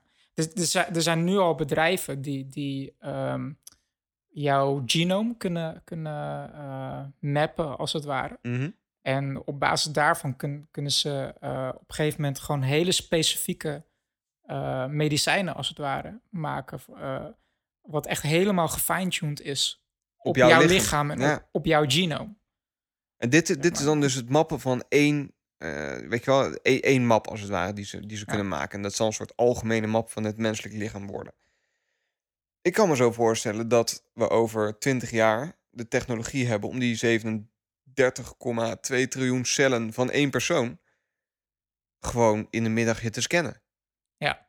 Weet je waar ik meteen? Weet je waar ik meteen aan moest... Want ik, ik heb me niet verdiept in het onderwerp. eh, maar toen je het net vertelde, moest Mhm. ik meteen aan dit denken. De eh, teleportation device. Oh ja, Als je gewoon een soort van 3D-printer device hebt... die gewoon al die moleculen kan maken. Al die gewoon één op 37, één kan namaken. 37 triljoen. Dan... eh, Dat, dat is dat geweldige filmpje hè, van eh Koorts gezakt, geloof ik. Of de teleportation ook device. weer... Ja, maar dat... dat, Niet eigenlijk een mass murder device is. Dat gewoon telkens als iemand geteleporteerd wordt... de oude persoon vermoordt en een nieuwe maakt... die niet weet dat de oude... zoiets. Eh, Zet, zetten ja, we even in de show notes. ja, daar... moet, ja, ik weet niet of je die film gezien hebt, maar The Prestige. Die moet je Nee, maar heb je me wel over verteld inderdaad. Zullen we die even in de show notes knallen? Anders dan Ja, ja, let's heel... go. eh, want, ik, want dit is zo'n diep onderwerp. Maar vooral CRISPR vind ik echt zo interessant. ik, ik denk dat we gewoon eens een lijstje moeten gaan bijhouden... met een aantal onderwerpen waar we specials over willen maken. Daar staat nu dan dus al op... Hebben we al. eh, Eigenlijk in Trello. Ja. Ja. maar misschien moeten we dat ook openbaar Public. maken of zo. Dat mensen het weten wat ze wanneer kunnen verwachten. Ja, moeten we over nadenken hoe we dat gaan Zoals doen. eh. CRISPR zou ik wel heel graag een keer een aflevering over willen maken. Ik zou wel een keer een aflevering... Dus daar hebben we ook feedback over gehad. Mensen dat ook tof lijkt over de Fermi Paradox. ja, Eh, En ik kan me voorstellen dat er zo nog een aantal onderwerpen zijn... waar we best wel eens een aflevering aan zouden kunnen wijden. zeker. Dus Ja. eh, mo- moet ik even over nadenken. Maar dan komen we Ja. in de volgende hashtag eh, factcheck dan wel even op terug... hoe we dat gaan aanpakken. Ja, ja. Is, dat een, eh, is dat een idee? Heel goed idee. Tof. Ja. Dan wil ik deze hier gewoon... Maar ik wou dat gewoon even... Weet je wel, daar word ik enthousiast en blij van. Denk ik, drop dat hier even. Want ik ben wel heel benieuwd welke kant dat dan opgaat. En inderdaad, wat ik zeg. Over hoe lang hebben wij het menselijk lichaam echt overwonnen? Mhm. Ja, zeker. Ehm, wat we al sinds de jaren zeventig niet meer overwonnen hebben, is de maan. Ik wou net eenzelfde soort bruggetje gaan Ja. maken, inderdaad. Super Over overwinnen gesproken. Ja. Ja. Ja, dat was, eh, dat, had, ehm, dat was eigenlijk redelijk parallel ehm, aangekondigd met onze vorige podcast. Ja. Eh, daarom hadden we niet echt tijd meer voor om het te Het, het was die bespreken. maandag was het aangekondigd. Ja. Ze zou ze binnen 24 uur zou ze iets gaan vertellen. Ja, ja. Of zo. En toen stond En ineens binnen twee, in dit twee uur geval online. SpaceX. Ja. Ze zijn in dit geval SpaceX. En die hebben aangekondigd dat ze in 2018 eh, twee mensen en, eh, ehm, een, in een baan ja, eigenlijk om de maan heen willen Ja, een slingshot om de maan willen schieten. Ja, ja. En er is geen bemande vl- vlucht meer geweest. eh, of tenminste eh, eh, niet zo ver als de maan geweest eh, sinds 1972. Dat is raar eigenlijk. Ja, dat is echt heel gek. Dat we het er zoveel over hebben, over space en weet ik wat allemaal. Maar, Maar- dat wij sinds 72 al niemand meer zo ver hebben gehad. Maar dat bedoel ik dus. Dat heb ik al zo vaak aangehaald. Met dat, dat die, die periode, eind jaren 60, begin jaren 70, toen, toen space helemaal hot was. Dat is of echt een piek geweest in Mhm. humanity, of een voorproefje van humanity. En En, what's to come. en, en ehm, mijn positieve kijk daarin is dat dat is optie 2. Dat Ja. dat eigenlijk een voorproefje was. En dat dat, dat dat echt niks is vergeleken met wat we eh, binnen 30 jaar maar gaan. eh, er zijn ook genoeg tekenen aan de muur dat dat natuurlijk zo is. Met alle plannen die nu de laatste twee jaar eigenlijk ontwikkeld worden. En ontwikkelingen die, die gedaan worden met een Pluto die, die, die, die gefilmd Ja. wordt tot een, een, de ontdekking van zeven sterren, zoveel miljoen hier, hier, hier ja. vandaan. Ja. Nee, we, we hebben ze allemaal behandeld. Dat zijn wel allemaal dingen die, die in rapid succession elkaar opvolgen. Ja, En er zijn serieuze bedrijven, serie- zelfs de Chinese overheid, die nu eh, bezig is. Of nee, is dat, nee, dat is Qatar, geloof ik en zo. De, de Emiraten. Die hebben de eerste Marsstad al gepland. Is dat zo? Dat is zo. Ja, hebben ze al plannen voor architectonische plannen, hoe die stad er dan uit moet zien. En hoe Maar ze is daar dat, komen. op, op, is dat op basis van, oké, de Amerikanen zorgen ervoor dat wij daar komen. En als die brug tussen aarde en Mars is established, dan gaan wij daar gewoon op inhaken. Nee, zij zijn zelf bezig met een space program. En dat bestaat Meen een aantal niet? jaar. Ehm, ik ga dat wel, want anders dan zit ik hier heel dom te lullen Nog als het natuurlijk niet zo is. Ja. nee, maar eh, wa- wat ik voornamelijk vet vind aan eh, ehm, eh, de- eh, deze aankondiging van SpaceX... en eh, The Verge heeft daar best wel een goeie, goed artikel over geschreven... is dat er eigenlijk nu een soort van nieuwe mini-space race is, aange, is gestart... tussen SpaceX en NASA. Want de, de, de missie die SpaceX voor, over- voor ogen heeft voor volgend jaar... lijkt namelijk bizar veel op een missie die NASA al een tijdje heeft gepland. Want NASA is ook met, een, met zijn, zijn eigen raket eh, bezig. Moet eigenlijk de, volg, de opvolger zijn van de eh, Space Shuttle Program van eh, NASA, die in eh, 2011 is gestopt.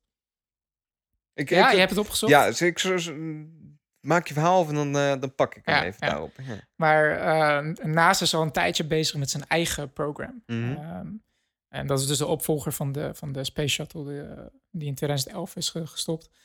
En dat is de, de, de, de SLS, de Space Launch System. ja, Dat is een raket. En ze hebben daar een... een gelukkig kaps- wel. Ja. Zou raar als het anders nee, maar, toch? Ja. ja, maar de, de, de, de SLS, dat is dus een raket die, die, die eigenlijk de, voor, voor de, het systeem zorgt om, om eh, van de aarde Omhoog te komen, vertrekken. ja. En dan heb je nog de capsule, die heet de Orion. En de Orion, dat is een bemande eh, capsule. Heb, heb je niet ook iets van de Orion Belt of zo ergens? Ja, hè? Zeker, ja. Eh, dat is een eh, sterrenstelsel, als ik me niet vergis. Maar, ehm, de- mm, en dit is, dit is ook wel grappig. Het is eigenlijk gedeeltelijk eh, onder pressure van, van, het Under witte, pressure. van het Witte Huis. Af en toe Om- gooien we er even ethisch Ja. hits in hoor. Ja, dat, dat heeft een reden. Dat, dat doen we soms. Ja. Ja. Ehm, ze, ze hadden sowieso al het plan om de SLS te lanceren in 2019. En het Witte Huis die heeft er eigenlijk de extra challenge aan gekoppeld. Eh, dat, daar is eh, de Washington of de Wall Street Journal achtergekomen. Om dat een bemande missie te maken. En dat is eh, dus een missie rond de maan.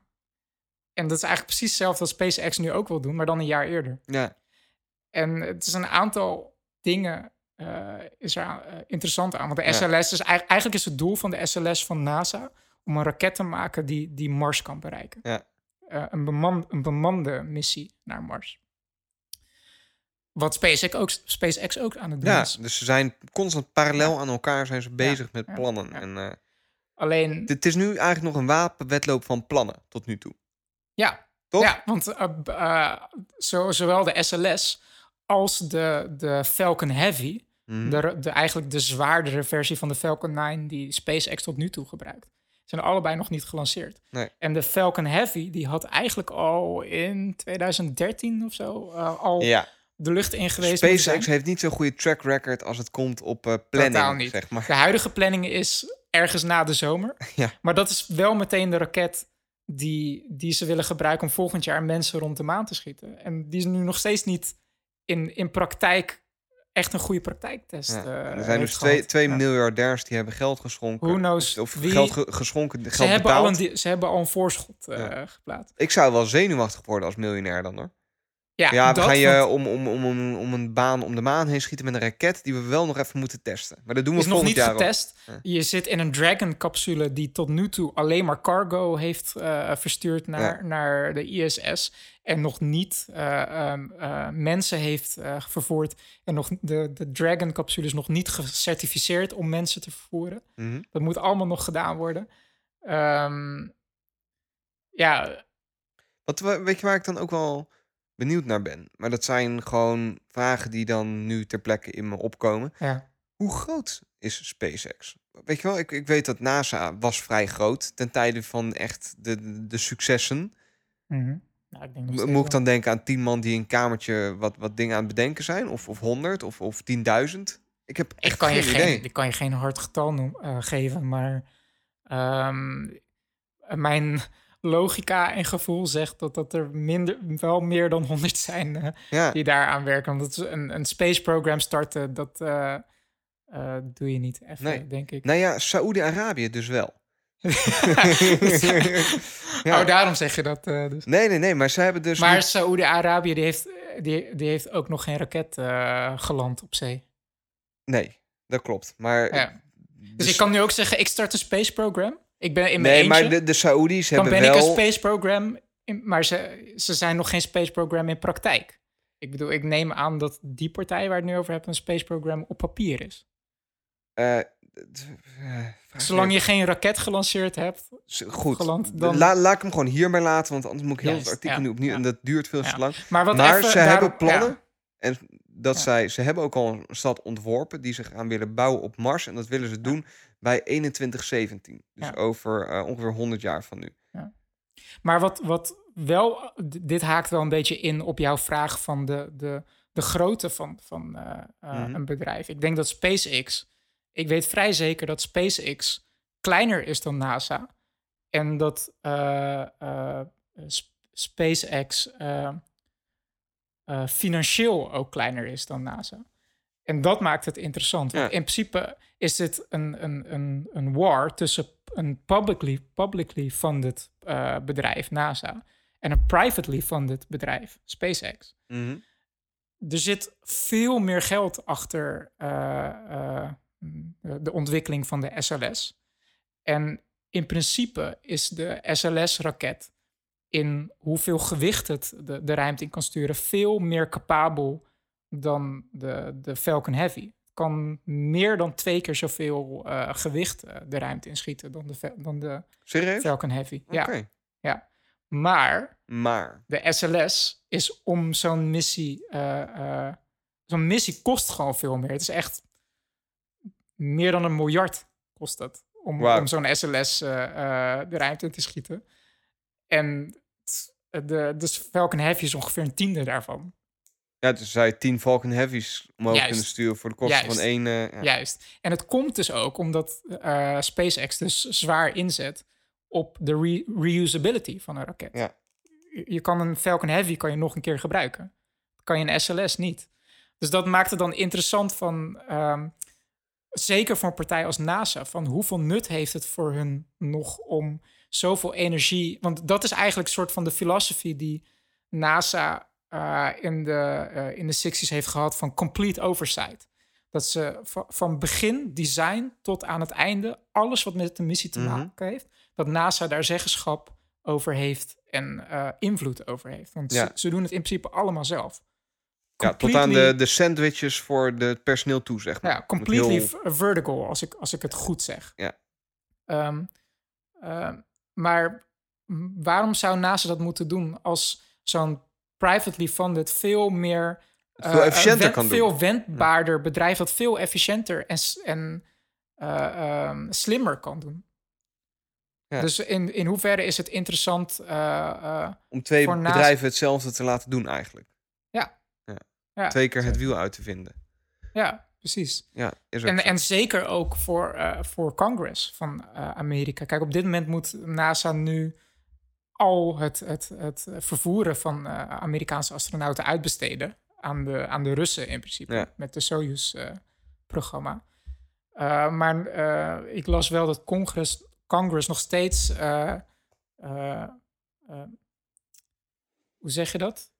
De voorkeur heeft aan de manier van NASA ja, de voorkeur geeft. voorkeur eh, geeft, inderdaad. Dat ze daar gewoon geld tegenaan smijt. Van, creëer zo'n programma. Terwijl ondertussen Elon Musk zo van, ja, dat is leuk. Maar wij doen dat wel even. ja. En als het dat dan ook nog... Het gebeurt en goedkoper en slimmer. En ook nog eens eerder. ja, wat, wat, wat voor bestaansrecht Ja. heb je dan nog? Ja. Nou, bestaansrecht, dan, ja. dan moet je een andere rol maar aannemen. vooral in dat laatste, dat het ook eerder lukt... Dat is nog de vraag. En Met dat is Elon wel... Musk's planning mogen we blij zijn als het Ja. over 30 jaar is gebeurd. Zeg Ja, maar ergens denk ik dus dat dat juist ook de incentive is om ook. Eh, ik denk dat het stiekem misschien wel de conspiracy theory, de reden is waarom dat aangekondigd is, een, ja, om een jaar eerder dan NASA een vergelijkbare missie te doen. Ik denk dat dat geen toeval is. Ik denk dat dat precies die reden heeft. Om gewoon te, te laten zien aan, Even spierballen tonen, zeg maar. ja, zo zou je het wel kunnen zeggen, dat, dat zij wel de partij is die die tak van NASA kan, Ja. kan overnemen. Of zo. Nee, wel vet. Ik ben wel benieuwd. Ja. Ook, ook wat er dan betaald is, maar dat gaan ze nooit vertellen. Nee, nee. Maar ik zou wel serieus zenuwachtig worden als de afgelopen twee jaar dat er twee eh, raketten zijn ontploft. Ja. zeg Ja. maar. En eentje daarvan is ontploft tijdens het tanken van, van de raket, wat gewoon een super kritische stadium is. En als je dan leest dat eh, SpaceX plannen heeft om de, om de raket te tanken terwijl die bemand is, dat zou ik niet zo chill vinden. Nee, dat, eh, is- dat, ja. Ja. Dat snap ik. ik denk dat het eh zometeen tijd is om lekker een spoilerhorn erin te knallen. ja, En Black Mirror te gaan bespreken. Ja, we, hebben, we zitten nu toch al in de future technologies en zo. dat zit er wel een tijdje. Dus Ja. Black Mirror, nou, we hebben de vorige aflevering ook gepitcht. Heb je het nog niet gezien? Eh super vette serie waarin ze iedere... Ja, wil je het even spoiler-free nog even over Black Mirror hebben? Van Ja. wat, wat raad je wel niet aan aan de kijker? En, eh, Ja, nou ja, ik, ik ben op zich. ehm, ja, hoe zeg ik dat goed? Ik ben wel kritisch als het aankomt op science fiction en doom scenario's. Ja. Misschien moet ik het zo zeggen. Ja. Ik ben er niet zo van. Ik vind het heel makkelijk om alle toekomstige technologie in een soort doemjasje te hullen en daar een soort doemscenario omheen te schrijven en daar dan een serie van te maken. Dat is Of dus een hoe- boek of ja, een film. Of, dus eh, d- ja. dat is hoe ik daarin sta. Ja. Dat moet je heel goed doen. Wil je bij mij indruk maken? Ik vind dat Black Mirror, want wat Black Mirror is, is een serie die werkt met what ifs. Dus wat gebeurt er, wat zou er gebeuren als we een bepaalde technologie op een bepaalde manier inzetten? Hoe zou de samenleving er dan uitzien? Mhm. ik vond dat ze daar bij Vlagen in slaagden en bij Vlagen niet. Mhm. En wat het mooie aan Black Mirror is, is dat iedere aflevering een nieuwe director heeft en opnieuw eigenlijk een eigen op, op zichzelf staand verhaal is. Ja. Dat heeft ook tot gevolg dat sommige afleveringen daar voor mij wel in slagen en sommige niet. Ja. En welke dan wel en welke dan niet. Want ik heb maar vier afleveringen gezien. Dus ik ben ook Ja. zeker geen autoriteit op het gebied van Ja. Black Mirror.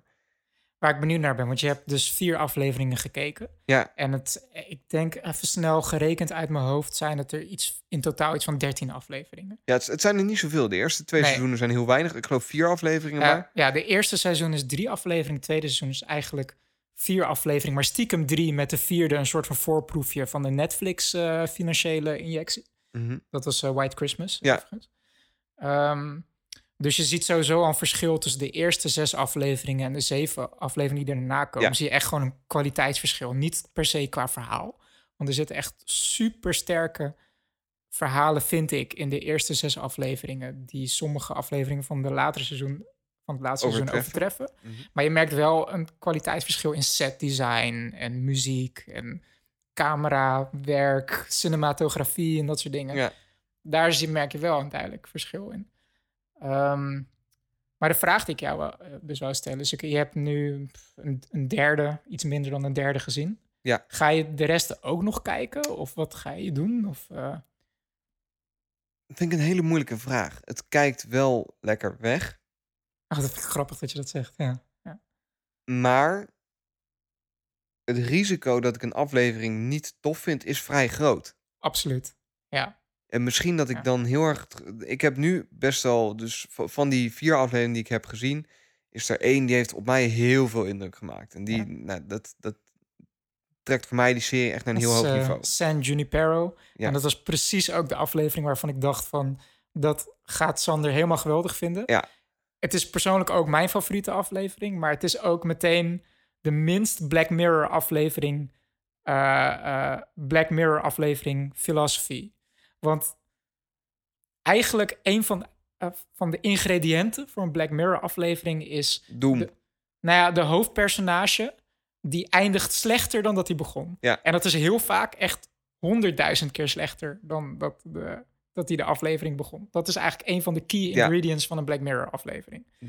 Die, die, die start als het ware in een villa en eh, eh, heeft een super happy gezin. En die eindigt echt in een homeless shelter en heeft nog maar één koffertje bij wijze van spreken. Ehm, en dat is San Junipero dus totaal niet. Nee. En wat, wat ik wel. Nou, wat, want we zijn nu nog niet aan het spoilen. Nee, maar wat ik wel heel knap vind aan.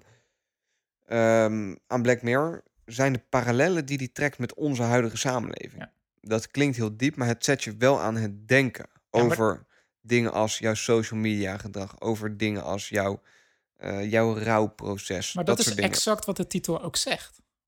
Zwarte Ja. spiegel, de spiegel van jouw smartphone. Een reflectie van het nu in een sci-fi jasje die volgens mij is een van de taglines van Netflix de the future uh, uh, second away, uh, uh, removed away from our present. Dus het is de super near future. Het zou Ja. bij wijze van spreken de, de philosophy zou overmorgen of nu al gaande En kunnen dat- zijn los van de technology. Dat vond ik heel knap, dat het je wel aan het denken zet. Maar de conclusies waar zij vaak toe komen, daar ben ik absoluut geen fan van.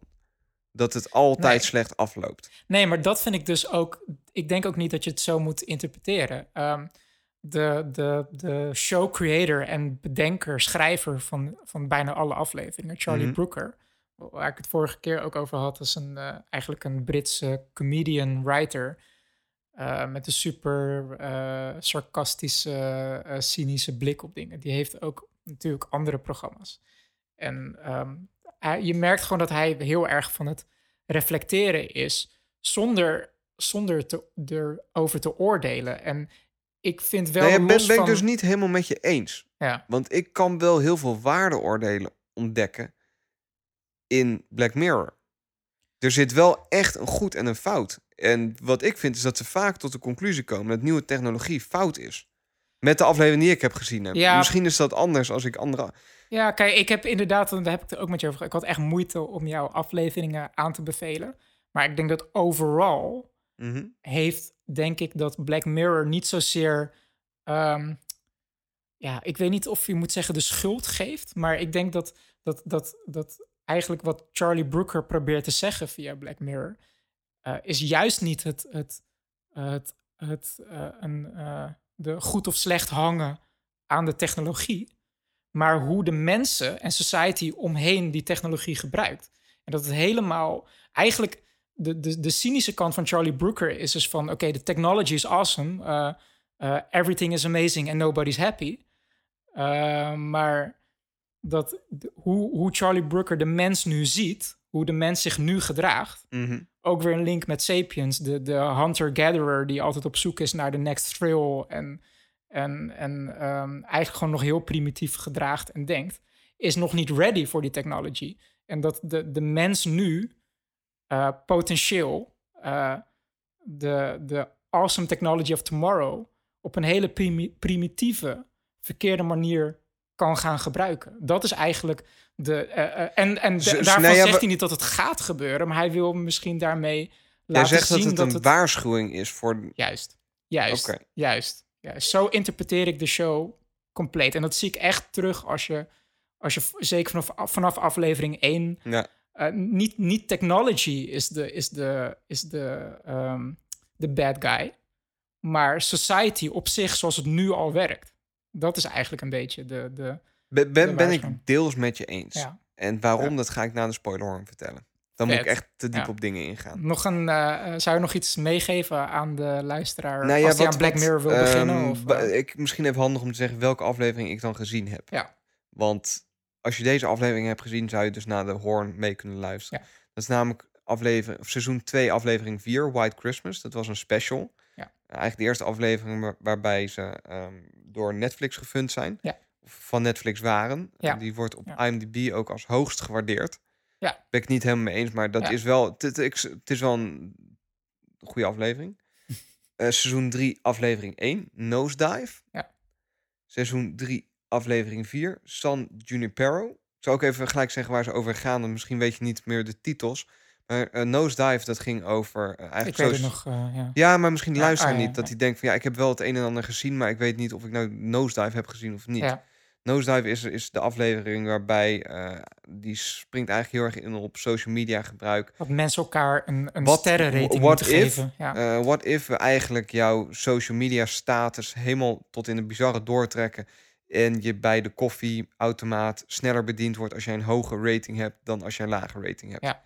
En die doen we met z'n allen, geven elkaar ratings eigenlijk. Ja, Eh, die, dat White is- Christmas heb je overgeslagen. Ja, White, nee, maar dat, dat Ah, zei ik. Dat, dat, maar dan zit ze Ja. dus... White Christmas is een special. Dan zitten ze... Eigenlijk twee gasten zitten in een huisje. Ja, hoe leg je dat ja, die is uit? moeilijk samen te Die vatten. zitten in een is- huisje en die zijn aan het lullen. eh, over hoe ze daar komen en wat ze hebben gedaan en verkeerd hebben gedaan in het Ja. leven. En Ja. ja. Ja. veel meer kan ik daar niet over kwijt. Als je die hebt gezien, dan weet je ook dat je hem hebt gezien. Ja. Seizoen 3, aflevering 4. Aanrader. Super vette aflevering. Word ik heel gelukkig van. Ja. San en, Junipero. en de, de kracht daarvan is, is niet te spoilen wat, wat de technolo- technological onderwerp van die aflevering is. Ja, Want het start in een jaren tachtig setting. Ja. Ehm, vond ik heel tof. En ik heb gezien seizoen 2, aflevering 1. Be Right Back Be is een meer Right low Back. budget. eh, Ja, toen waren ze dus nog niet, eh, nog niet van nee, Netflix. nee, nee. Dus die heb ik ook gezien. Dat gaat er over eh, een, een vrouw die haar man verliest. En door technologie probeert in touch met hem te blijven. Eigenlijk in één, één Ja. zin. En wat Ja. voor effecten dat heeft. Ja. Allemaal best wel onderwerpen die over tien jaar realiteit kunnen zijn. Ja. Heb je ze gezien, dan zie ik je na de spoilerhorn. Heb je ze niet gezien, ga ze of even kijken of luister gewoon lekker mee. En dan rest mij nu niks dan de lieve luisteraars te bedanken voor weer een, eh, ja, vond ik wel een goede aflevering weer. Ik denk dat we wel, eh, wel lekker erin zitten. Laten we dit vasthouden. Ja, als je het nou tof vond en wilt iets kwijt, eh, bijvoorbeeld over heel die, die technologiebubbel rondom Snapchat, waar ik, waar ik wel benieuwd naar ben, of over SpaceX en hun missies en hoe jij dat ziet. We zijn altijd heel geïnteresseerd in jullie meningen over onderwerpen of toffe links. Of nou, gooi het allemaal onze kant op. We zijn het meest actief op Twitter, maar ook te vinden op Facebook. We hebben e-mail. Je weet ons te vinden. Ehm, misschien ook wel even goed om aan te geven dat wij heel, want dat doen we de laatste tijd volgens mij niet meer. Ehm, het zou heel tof zijn als je even een review achterlaat in de eh, iTunes. Nee, niet. Ja, de, de podcast-app.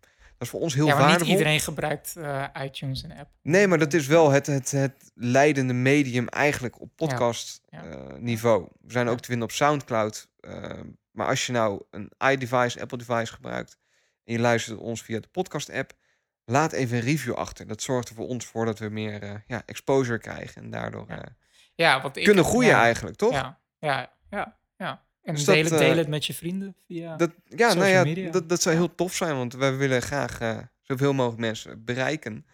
Onze missie is om mensen blij te maken eh, voor de toekomst. Eigenlijk helemaal haaks op Black Mirror. Ja. Maar nogmaals, bedankt voor het luisteren.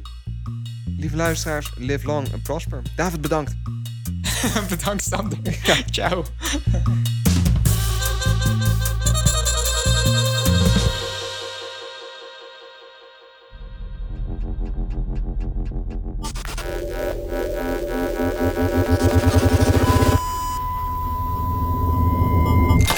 Ja, man. Zullen we gewoon eh, elke aflevering even afgaan? Of wat wil je Eh, doen? Wat, wat had jij voor ogen? Wil je... Ja, ik, ik heb er even over. Nou ja, wat ik. Want op zich, wat jij net zegt over dat het een soort van waarschuwing is dat de director dit of, of Black Mirror gebruikt als zijn een waarschuwing dat hij nu ziet dat mensheid eigenlijk niet klaar is voor de technologieën die hij beschrijft. Ja. Ben ik niet met je eens. Oké, shoot. Ik vind dat hij heel duister kijkt naar de mensheid. En ik Mhm. vind dat jammer. Ja, maar dat is wat ik ook zei. Ja, en ik hij vind is dat heel jammer. cynisch over de mens. Niet heel cynisch over technologie. Ehm nou ja, maar technologie kun je ook niet cynisch over zijn. Laten we eerlijk zijn. Of je moet een, een soort van doemscenario maken waarin technologie Je kan wel cynisch zijn technologie, wordt. En Je, je kan zeggen van, nou ja, als dit, als dit ont, eh, eh, bijvoorbeeld eh, eh, nu- eh, nucleaire technologie wordt ontdekt, Ja. dan kan je, kan je cynisch erover zijn van zeggen van, je kan het hele, de potentie van, van Mhm. energiegeneratie en Mhm. generation kan je, kan je overslaan. Je kan zeggen van, oké, dat wordt het doemscenario van de mens. De mens kan die, kan die kracht niet van die Maar technologie ben niet over- eh, gaat gebeuren. Ja, dan ben je... maar ben je dan cynisch over de technologie? Of, Of hoe de mensen over hoe de mensen dat gebruiken? Volgens mij kun je, technologie is technologie. Dat is wat het is. En zolang je niet uitgaat van eh, technologie die zelfbewust is, kun je niet cynisch zijn over technologie. Ehm, ja, ik zit toch nog steeds aan de kant, want natuurlijk... Of jij moet mij een voorbeeld niet, weten je te kan, geven. Je kan het niet zwart-wit zien, maar je kan denk ik wel zeggen van... Ja, als dit wordt uitgevonden, dan is er maar een beperkt aantal scenario's mogelijk. Eh, omdat de mens ja, als kijk, het ware wat je- gestuurd wordt door Wat je zou kunnen, je, je zou het voorbeeld kunnen aanhalen van een technologie die je bedenkt die alleen maar ingezet kan worden op een verkeerde manier. Ja, Gewoon of- op geen enkele goede manier. Ja, Dan nog ga je ervan uit dat de mensheid dat dus op een verkeerde manier in gaat zetten. En niet dat ze inzien van, nou, dit is alleen maar slecht, dit gaan we niet gebruiken. Biologische wapens. Ik, ik, ik noem maar een voorbeeld. Dat. Zelfs daarvan zou je nog kunnen beargumenteren van, nou, in sommige gevallen in bepaalde oorlogen eh, is het gebruik van eh, die wapens, eh, dat brengt meer goeds dan slechts. Zeg ik, ik, ik geef het geen waardeoordeel aan, maar Mhm. zelfs dan zou je, dan ga je alsnog over. Op je objectief kan je, kan- is overal een, een argument voor te verzinnen. Dat is eigenlijk wat je zegt. Nee, nee, wat ik zeg is dat je niet cynisch op technologie kunt zijn, tenzij technologie zelfdenkend gaat worden en zelf beslissingen neemt. Ja, oké. Bewuste beslissingen. Anders dan ben je altijd cynisch op hoe de mensheid die technologie inzet. En niet zozeer op de technologie zelf. Mhm. Ja. Maar dan nog... Ja, oké. Maar dan gaan we heel erg, heel Ja. erg diep in een discussie. Maar ik ben Ja. het gewoon... Ik vind het jammer aan... Want ik, ik vind het wel... Laat ik vooropstellen wat ik... Oké, laat, ik- laat ik eerst vertellen wat ik goed vond in Black Ja. Mirror. Ja. Wat ik heel tof vond was ehm, hoe jij constant eigenlijk geconfronteerd wordt met hoe technologie verkeerd gebruikt kan worden. Juist, En ook Juist. vaak gebruikt wordt. juist. Toen, dat vond ik het heftigst in die aflevering. ehm, hoe heet die ook weer? Die aflevering met social media. Eh nosedive, Nosedive. Met, het, met die sterrenrating. Ja. dat is echt... Want daar Ja. zag ik echt parallellen in. Dat ik dacht van, ja, dit is helemaal niet zo'n heel erg ver van mijn bedshow. Nee. Er zijn genoeg mensen die echt wel flink verslaafd zijn aan social media.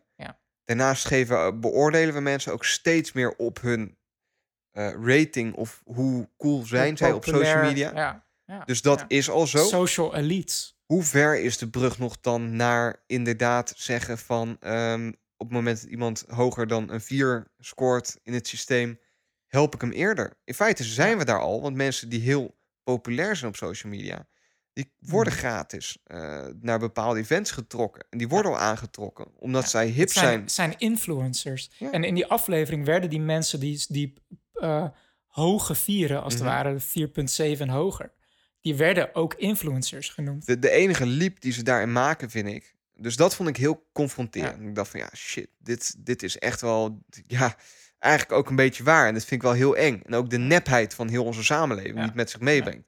Nooit meer echt kunnen zeggen wat je denkt. Ja, Ehm, alleen de liep die hij daarin neemt, vind ik, is de andere kant op. Dus naar boven zie ik dat inderdaad, daar zijn we bij wijze van spreken al heel erg. Op het moment dat iemand heel populair is op social media, kan die ook in het echte leven daar profijt uithalen.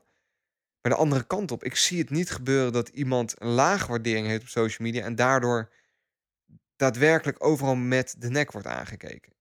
Nee, maar ik... en dat vind ik weer typisch ja. zo'n cynische uitwerking Ja. die vind ik vrij makkelijk te maken is. Ja, Tenminste, ik vind het niet heel goed storytelling. En wat, wat ik dan heel wel vet vind, is hoe het in beeld is gebracht en hoe het allemaal werkt. En dat is, het, het kijkt lekker weg, maar ik vind het wel heel makkelijk om dan ook de andere kant op te redeneren. Terwijl ik dat niet zo snel zie gebeuren. nee, maar dat, ja, ik denk dan dat je het te letterlijk neemt. Gewoon, de- en ik, ik kijk, Mhm. ik wist dit precies dat dit, Ja, dat, dat jij dit Re- deze mening reageer zou- ik zoals jij verwacht? Eh, ja. Ja. ja, ja, exactly. Ehm, ik, het is science fiction. Ja. En dit, dit gaat never nooit gebeuren. De, de eh, Charlie Brooker, door zijn writing heen zie ik ook dat hij ook niet pretendeert dat het gaat gebeuren. Ehm, en er zijn ook afleveringen waarin dat duidelijker naar voren komt. Dat de zelfspot ook duidelijk naar Ja. voren komt. Ehm, maar dit is de type sci-fi, wat The Circle eigenlijk ook is, dat boek. Maar ik, en dat is een smaakding. Ik vind dat, dat Black Mirror Nee, ma- wat- wat- in mijn smaak het beter uitvoert. Maar het is een karikatuur van, van, een, van een dystopia. Ja, Van het, is zo, het is zo letterlijk en extreem uitgewerkt dat natuurlijk gaat het niet gebeuren. Maar het, het, het, het is op, op een dusdanige manier.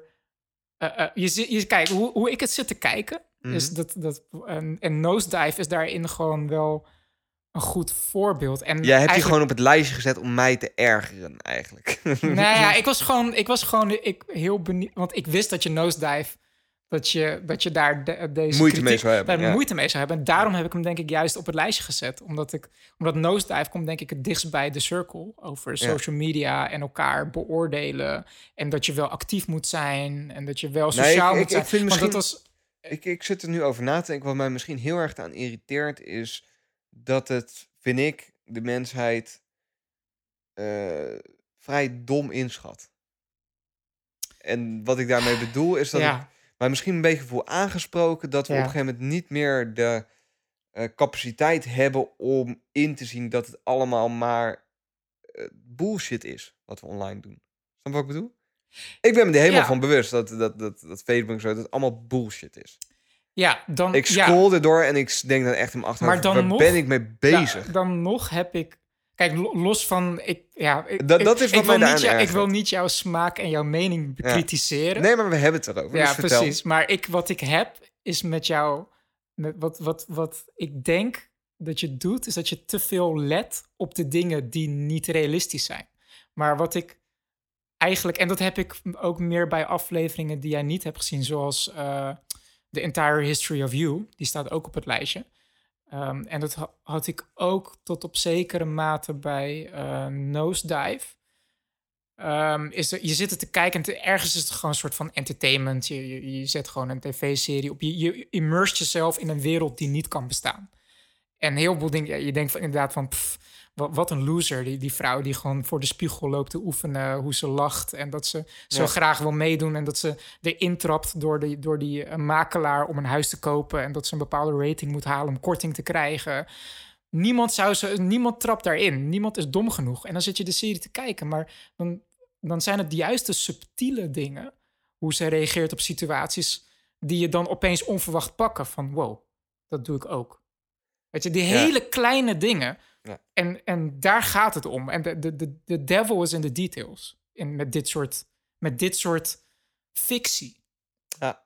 Weet je, dat, dat, ehm, ehm, dat bij Nosedive, ik denk dat het, eh, nogmaals, eh, de, ik denk dat het bij, specifiek bij de aflevering Nosedive, dat, we dezelf, dat ik dus hetzelfde gevoel heb als bij The Circle, dat wij dusdanig dicht op technologie zitten en bijhouden en observeren hoe, die, hoe social media gebruikt wordt eh, in de wereld. Maar je hebt talloze, je hebt, je hebt zoveel mensen die daar niet mee bezig zijn, maar wel op Facebook zitten en Instagram zitten en dat gewoon dagelijks gebruiken en foto's zitten te maken van een koffie, van een latte macchiato bij eh Ik, ik de moet wel Starbucks zeggen... en dan zo'n aflevering als Nosedive zien en denken en die worden denk ik nog keiharder geconfronteerd met Ik wat moet ze wel doen. zeggen dat ik oprecht... Dat het me wel wat met me deed. Omdat Ja. ik in de... Dat had ik bij de Circle veel minder. Dus ja, de Circle ja, is ja, dat ik boek- daarom ook dat, ik dat, vind dat het heb ik gelezen en de dag, uitgewerkt, dat ja. had ik eigenlijk constant... Nou, belachelijk. Ik, ik wou het boek gewoon bijna boos in de vensterbank gooien. Ik ben de. Circle echt al voor 80% vergeten. Maar Eh, dat heb ik bij Black Mirror veel minder. Omdat maar het bij deze, na, het, slimmer na het kijken van deze aflevering, ik snap wel inderdaad dat je een spiegel voorgehouden wordt. En er zitten wel heel veel pijnlijke dingen in dat je inderdaad bij jezelf denkt, ja shit, dat doe ik ook. Ja, gewoon zo'n zo'n het, het, het slim... Ga, gaan we nu even specifieker de aflevering in. Als, als, als ik uit de lift stap, en ik heb net met jou gesproken in de lift, en ik stap uit de lift en zij, zij stuurt dan iemand gelijk een beoordeling. Ja. Dat herken ik wel ergens. Als je mensen dat, ontmoet die je niet kent, eh, maar je, je, gaat gaat wel gelijk en- een, een, een, een, inderdaad een, een analyse op een persoon. Oh, wat zou die... Oh ja, de haar zit wel een beetje lelijk. Nee, maar Eh, nog verder. ja. Dat het, ik het fijn vind dat op het moment dat ik iemand ontmoet heb en we zijn naar een leuk feestje en die plaatst een foto van terwijl wij daar waren met een soort tekst erbij. Oh, het was echt super vet dit feestje. Dan Ed vind ik dat echt Sander, tof. ja. Dat vind ik leuk. Ja, ja. En dan voel ik mijzelf goed daarover. En dat is eigenlijk hetzelfde principe dat werkt. exact, exact. En dat vond ik wel, dat soort dingen vond ik telkens wel confronterend. Ja. En ik vond gewoon de, de eh, juist die interactie tussen de mensen, los van de technologie, vond ik zo nice. Wat ik ehm, echt een vet dialoog vond, was eh, ehm, op een gegeven moment, dus echt richting het einde van de aflevering van Nosedive, dat ehm, eh, de character Nene, Al- Alice Eve, die zei, die, de, de, de, vrouw, ja, de vrouw die ging trouwen, Ja. die zegt op een gegeven moment tegen de tussen haakjes oldest friend, eh, vriendin, ja, kom maar niet. Je bent al te laat en eh, Ja. het gaat gewoon niet werken. En eigenlijk wou, ik je alleen maar gebruiken, omdat je was een, je was een 4.2 Ja. en dat zou goed staan op mijn projecties eh, als zo'n oude vriendin eh, een, een speech zou houden voor mij. Dat, dat zou echt goed voor mij Ja. werken. Maar je bent nu een, een 2,3, dus laat maar zitten. Weet je? En, en zij, zij helemaal verbaasd van, ja, maar wat, ik was toch je vriendin en dit dat. En dat ze op een gegeven moment terugschiet van, nee, jij wou mij ook gebruiken. Ik ben een 4,7 en ik neem al van mijn vrienden, die zitten allemaal in de, in te- tegen de 5 aan. Dat zou ook goed voor jou geweest zijn. En dat was de enige reden waarom je het doet. Zeg maar die hypocrisie, zeg maar, Ja. van beide kanten gewoon even er doorheen slaan. Vond ik echt geweldig, weet je. En, en dat, Ik, ik, Ja. ja. ik zit over. Ik kan hier nog twee uur over praten, maar Ja. ik wil zo. next, next aflevering. Ja, want ik wil het Ja. zo graag. eh, zullen we de. Want ik zit te denken, White Christmas was wel een toffe aflevering, toffe dingen erin, maar is misschien. Want ik. eh, Ja, ik t- vond White Christmas vooral briljant, gewoon verhaaltechnisch briljant geschreven.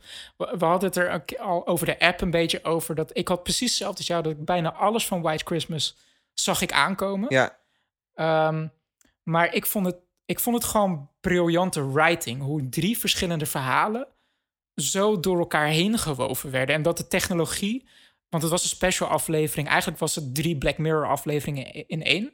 Mhm. Maar dat bijvoorbeeld een technologie die in het eerste eh, eh, mini-verhaaltje helemaal rond teruggepakt werd. Op het einde in het laatste verhaal. Zeg maar. Snap Ja, je een beetje wat ik bedoel? ik, ik, ik snap wat je bedoelt. Ja, dat Vo- vond ik gewoon heel Ik vond het ook een heel toffe Ja. aflevering, maar ik vind dan wel, wel weer jammer hoe ze hem eindigen op een soort van echt fuck you moment. Ja. Ja, zet hem maar even op eh, duizend jaar Maar per dat is minuut. Black Mirror. Dat is Black Mirror. Dat en dan gewoon... gaan we heel de kerst weg. Moet je voorstellen, heel de kerst. Nou, dat Ja. is, hoeveel, er zit 60 minuten in een uur, er zitten 12 uur in een dag.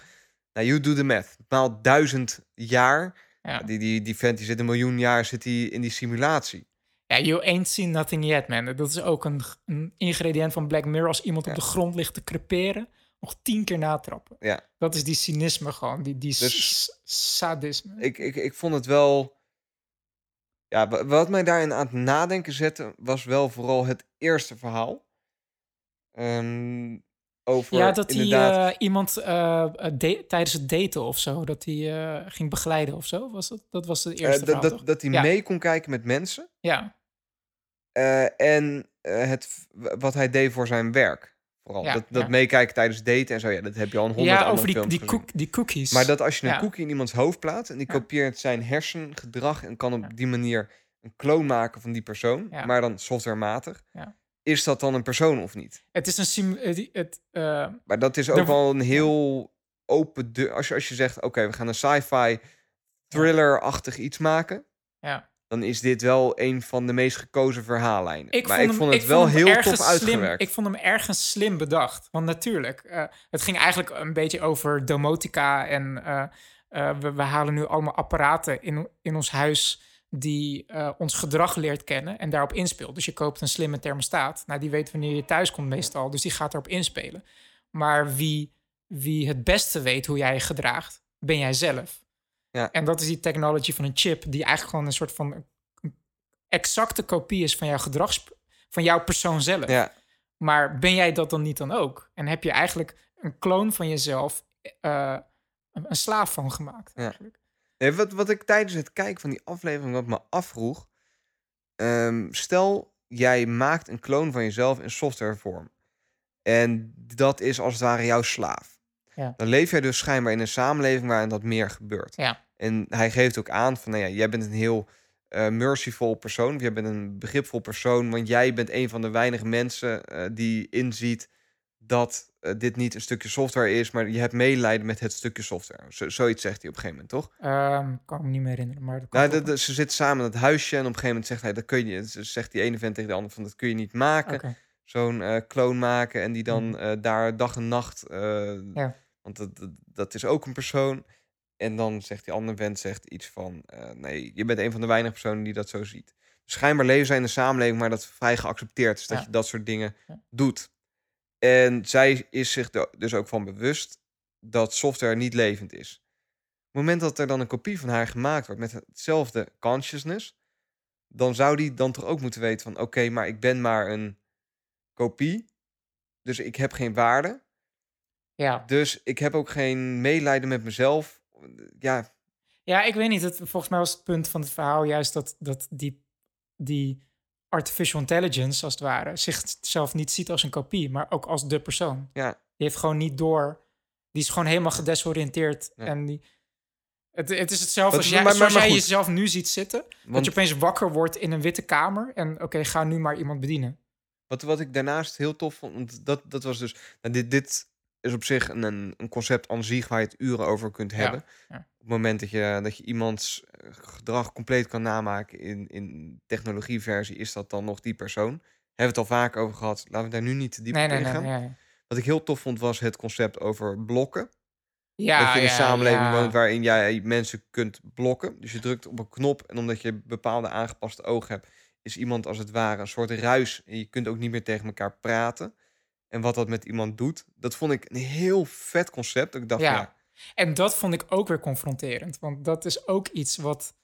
eh, kijk, da- dat is ook weer zo'n ding dat wordt super letterlijk genomen. Je blokt iemand en die persoon wordt letterlijk uit jouw fysieke re- realiteit als het ware verwijderd. Ja. Maar blokken is een fenomeen wat mensen nu ook al doen eigenlijk. Gewoon niet meer replyen op, eh, Ja. op social media en iemand negeren eigenlijk. Ja. Dat is, Dus dat, dat vond ik wel heel tof. Eh, dus ik vond het wel een aardige aflevering. wat vond je van Be Right Back? Ja, en dan bewaren we de leukste voor het laatste. Ja, dat Want expres. Be, Be Right Back vond ik eigenlijk de minste van de aflevering die ik heb gezien. Ja, maar dat vond ik dan ook zo lastig, omdat ik jou eigenlijk heb laten beginnen bij de shows die productiewijs van een heel hogere kwaliteit waren. Want die afleveringen daarvoor, seizoen 1, 2, die zijn qua Mhm. story-wise, zijn eigenlijk wat, wat kleiner, wat compacter Ja. eigenlijk. Ik, ik, ik had een aantal. Ja, ik- op de een manier greep die aflevering mij niet zo. Het is, het is op zich dezelfde story eh, als waar we het net over hadden. Be- nee, Ja. er zitten wat, wat, wat meer terugkomende thema's in. Dus inderdaad, het digitaal aanbieden van een persoon. Is Ja. dat dan die persoon zelf of een digitale versie ervan? Ja. Dat was in deze aflevering veel helderder, want het is gewoon een digitale kloon. En dat Iemand is in alles. overleden en op basis van de social media history konden ze een letterlijke kloon maken die soort van zich gedraagt als het, de persoon die er niet meer is. Ehm, dus dat, dat, dat thema zat er dan in. Ik vond het wel. Ja, ik, ik, ik weet niet zo goed. Hij heeft gewoon niet heel veel indruk op me gemaakt. Jij, hebt gezegd, jij, jij zei tegen mij dat je die aflevering had gekeken en dat je daar echt depressief van werd. Ja, ik vond het gewoon. Maar dat was ook omdat ik meeleefde met de, die vrouw die ook zwanger Mhm. bleek te zijn en zo. Dat ze zo. Dat ze. ehm, eh, niet kon loslaten. Zeg maar. En dat. dat eh, en dat is grappig dat Sa- San Junipero gaat daar ergens ook over. Daarover. Over het loslaten van iets. Maar. ehm, ik vond het zo zielig eigenlijk om te zien dat. eh, ehm, zij. De, de, ja, het is natuurlijk tragisch als je iemand die zo dichtbij je is, dat je die verliest. En zeker als dat dan de vader is van je kind en dat die niet bij de geboorte kan zijn en het opgroeien van je dochter niet kan meemaken. Maar dat, dat technologie daarin haar eigenlijk enablede om niet los te laten. En dat is eigenlijk ook, zeg maar, denk ik, de undercurrent van die aflevering. Mhm. Dat we. En dat, dat is trouwens Nee, een thema. dat je constant geconfronteerd wordt met dode personen. Eigenlijk. Ja, met, met memories en met. met, met eh, en dat, dat wordt nu heel extreem hier doorgetrokken met dat iemand Mhm. overleden is. Maar het kan ook iemand zijn dat bijvoorbeeld een relatie kapot is. En die persoon is er nog wel, maar je kan die persoon als het ware stalken. Als het ware. Ja. En dat is ook. ehm, dat is een onderwerp wat mij binnen Black Mirror ook heel, heel erg aangreep. Want er is ook een andere aflevering, eh, The Entire History of You. Eh, die heb jij niet gezien. Die heeft ook hetzelfde thema. En dat, dat raakt me zo erg van dat wij zo plugged in zijn. Dat, wij, dat het soms moeilijk is om bepaalde geschiedenis los te laten. En dat is wat mij voornamelijk aan, Oké. eh, eh, greep eh, aan Ik, ja, oké. En dan begrijp ik een beetje wat jou pakt in die aflevering. Maar op de Ja. ene manier... Ja, Ik kan niet de vinger erop leggen, maar deed die aflevering niet zo Ja. heel veel voor mij. snap ik. Ik had er ook geen, geen, geen heel verkeerd gevoel bij. Ik, ik vond alleen aan het einde een beetje makkelijk dan weer dat hij op die... Op, Ja, dat vond ik zo erg dat ze hem toch, hem toch, dat ze uiteindelijk toch die persoon niet heeft losgelaten en toch in haar leven hield. Als het ware nog steeds verborgen, maar eh, Ja, dus ja, Ja. ja, had ik niet zoveel mee. Ik dacht, ja, Ja. Ja. oké. eh, maar Ja. San Junipero. Wauw. Oh, daar word ik zo gelukkig van. Dat, en dat is denk ik de reden dat ik geen Black Mirror meer ga kijken. Hmm. Het heeft gepiekt. Want San. Junipero is de aflevering, daar zit alles in wat ik tof vind. Daar zit in 80s music. Ik ben een sucker voor de 80s. Ja, ja, vind ik heel vet, heel die vibe. Daar zit, eh, daar zit in eh, technologie ehm, op een manier toegepast dat het daadwerkelijk iets toevoegt aan onze samenleving. Daar zit in een soort van, waar ik ook, en dan- heb je het over, over misschien maar eh, twee, twee lesbische vrouwen. eh, en daar wordt helemaal niet moeilijk. LGBTQT wordt ook uh, gerepresent. Ja, maar daar wordt voor de rest ook niet moeilijk over gedaan. Nee. En dat is hoe ik dat het liefst zie. Gewoon veel, ja, boeien, doe wat je wil. Dus alles wat ik tof vond, zat in die aflevering. En dan als je dan aan het einde de aflevering ook nog eindigt op zo'n echt zo'n 80s vibe met z'n tweeën in de auto met eh Heaven is a Place on Earth op de achter. Open Nou, dak, ja. ja, dat, dat kan niet meer stuk. En Ja. ik, ik, werd, ik werd er echt wel ontroerd van. Ik vond Ja, ik deed ook. een hele hoop met me, die aflevering. Ik heb hem weer, ik heb hem voor de tweede keer gekeken. Ik moest gewoon weer janken. Omdat ik het- zo mooi. ik vond het zo. Ik, ik, nou ja, ik vind het zo mooi hoe je. ehm, als, je als je zegt tegenwoordig, inderdaad, als je het hebt over het digitaliseren Van van jezelf. consciousness. Ja. Eh, dus als ik jou één op één zou kopiëren en in een systeem zou zetten, Computer zou zetten, ja. dan zal de reactie. Dus stel je vertelt het in een kroeg aan jouw vrienden, die allemaal niet heel tech-savvy zijn, maar gewoon aan jouw vrienden. Ja. 9 van de 10 mensen zullen daar heel erg met aversie op reageren. Ja, het, En dat, het voelt immoreel aan of zo. En erg voor dat veel vind ik wel eens lastig. Want ik ben juist heel erg. Ik zie daar heel erg. Ik sta daar heel positief in. Ja. En ik denk dat is toch super mooi. Ja. En dat hoef ik voortaan niet meer uit te leggen. Als Ja. een vriend zo reageert op mij, dan kan ik gewoon zeggen... Kijk, Kijk, de San aflevering Junipero. San Junipero van Black Mirror staat op Netflix. Dan snap je wat ik bedoel. Ja. En dat vind ik zo fijn aan deze aflevering. Ja. Gewoon het enabelen van mensen die beperkt zijn op een bepaalde manier om toch de joy in het leven terug te vinden. Ja. En dat, Ja. dat vond ik briljant, vond ik geweldig. Ja, ja. To- er zat wel een soort van stiekem, zat er wel een undercurrent in. Werd, werd het topic wel aangedragen. Dat op een gegeven moment, bijvoorbeeld van mensen die gewoon zo lost zijn. eh, Zo, dat, dat zeggen ze op een gegeven moment van, ja. ja, ik, ik wil niet hier naar San Junipero als ik, want het, het verhaal is dus als je niet dood bent, dan mag je daar alvast even wennen. Op het moment dat je heel oud bent en bijna dood aan het gaan bent, dan mag Ja. je acht uur per, per eh, week, geloof ik, of zes uur per week mag je daar, daar vertoeven in het weekend. En je hebt eh permanents. Dat zijn mensen die zijn dood en die leven alleen nog in dat systeem. Ja. Ehm, en op een gegeven moment zegt een van die twee vrouwen op het moment dat een ander, die leeft daar al permanent, eh, dus die is altijd daar en die, die zegt van kom ook, eh, Ja. neem afscheid van je lichaam, je bent dying en kom lekker bij mij wonen. Ja, ja. Eh, en zij zegt dan ook letterlijk van, ja, waarom zou ik hier zo komen leven bij, tussen al die mensen die eh, alleen maar op zoek zijn naar een thrill, iets om Ja, levend zijn te just voelen. having- en dat, in, in het begin van de aflevering stond ze er ook in van... ik ben hier alleen maar om fun te hebben. En that's it. Ik wil, eh, ze Ja. heeft letterlijk de afspraak met zichzelf gemaakt... ik ga gewoon even partyen. En that's it. Dat is alles. Ik wil niet weer een leven opbouwen. Zeg maar. Dus dat, dat vond ik, ja, dat, dat, dat zit er ook in. En daar kun je ook allemaal over nadenken. Maar Ja. dat is ook niet erg, want dat, Ja. dat klopt. Ja.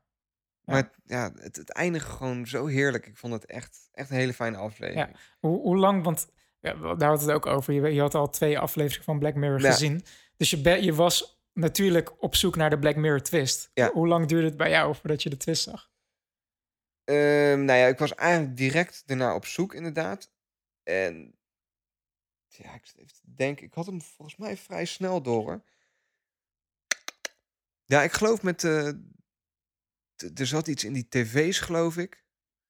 Ik, ik, ik weet het niet meer exact. Ik Ik, op ik, een weet gegeven moment sowieso, pas, er, er zat eh, op een gegeven moment zat er iets in van. Ja, ze is hier ook wel eens in 2002. En Ja. toen had ik hem wel door. Maar ik had, Ja, maar ik had toen- al ja, veel eerder door dat het een steeds, simulatie eh, was. Ja, ja, ja. En ik, ik kan je niet meer exact vertellen wanneer. Ja. Maar ik, ik had dat wel. Ja, ik had hem wel. Ja.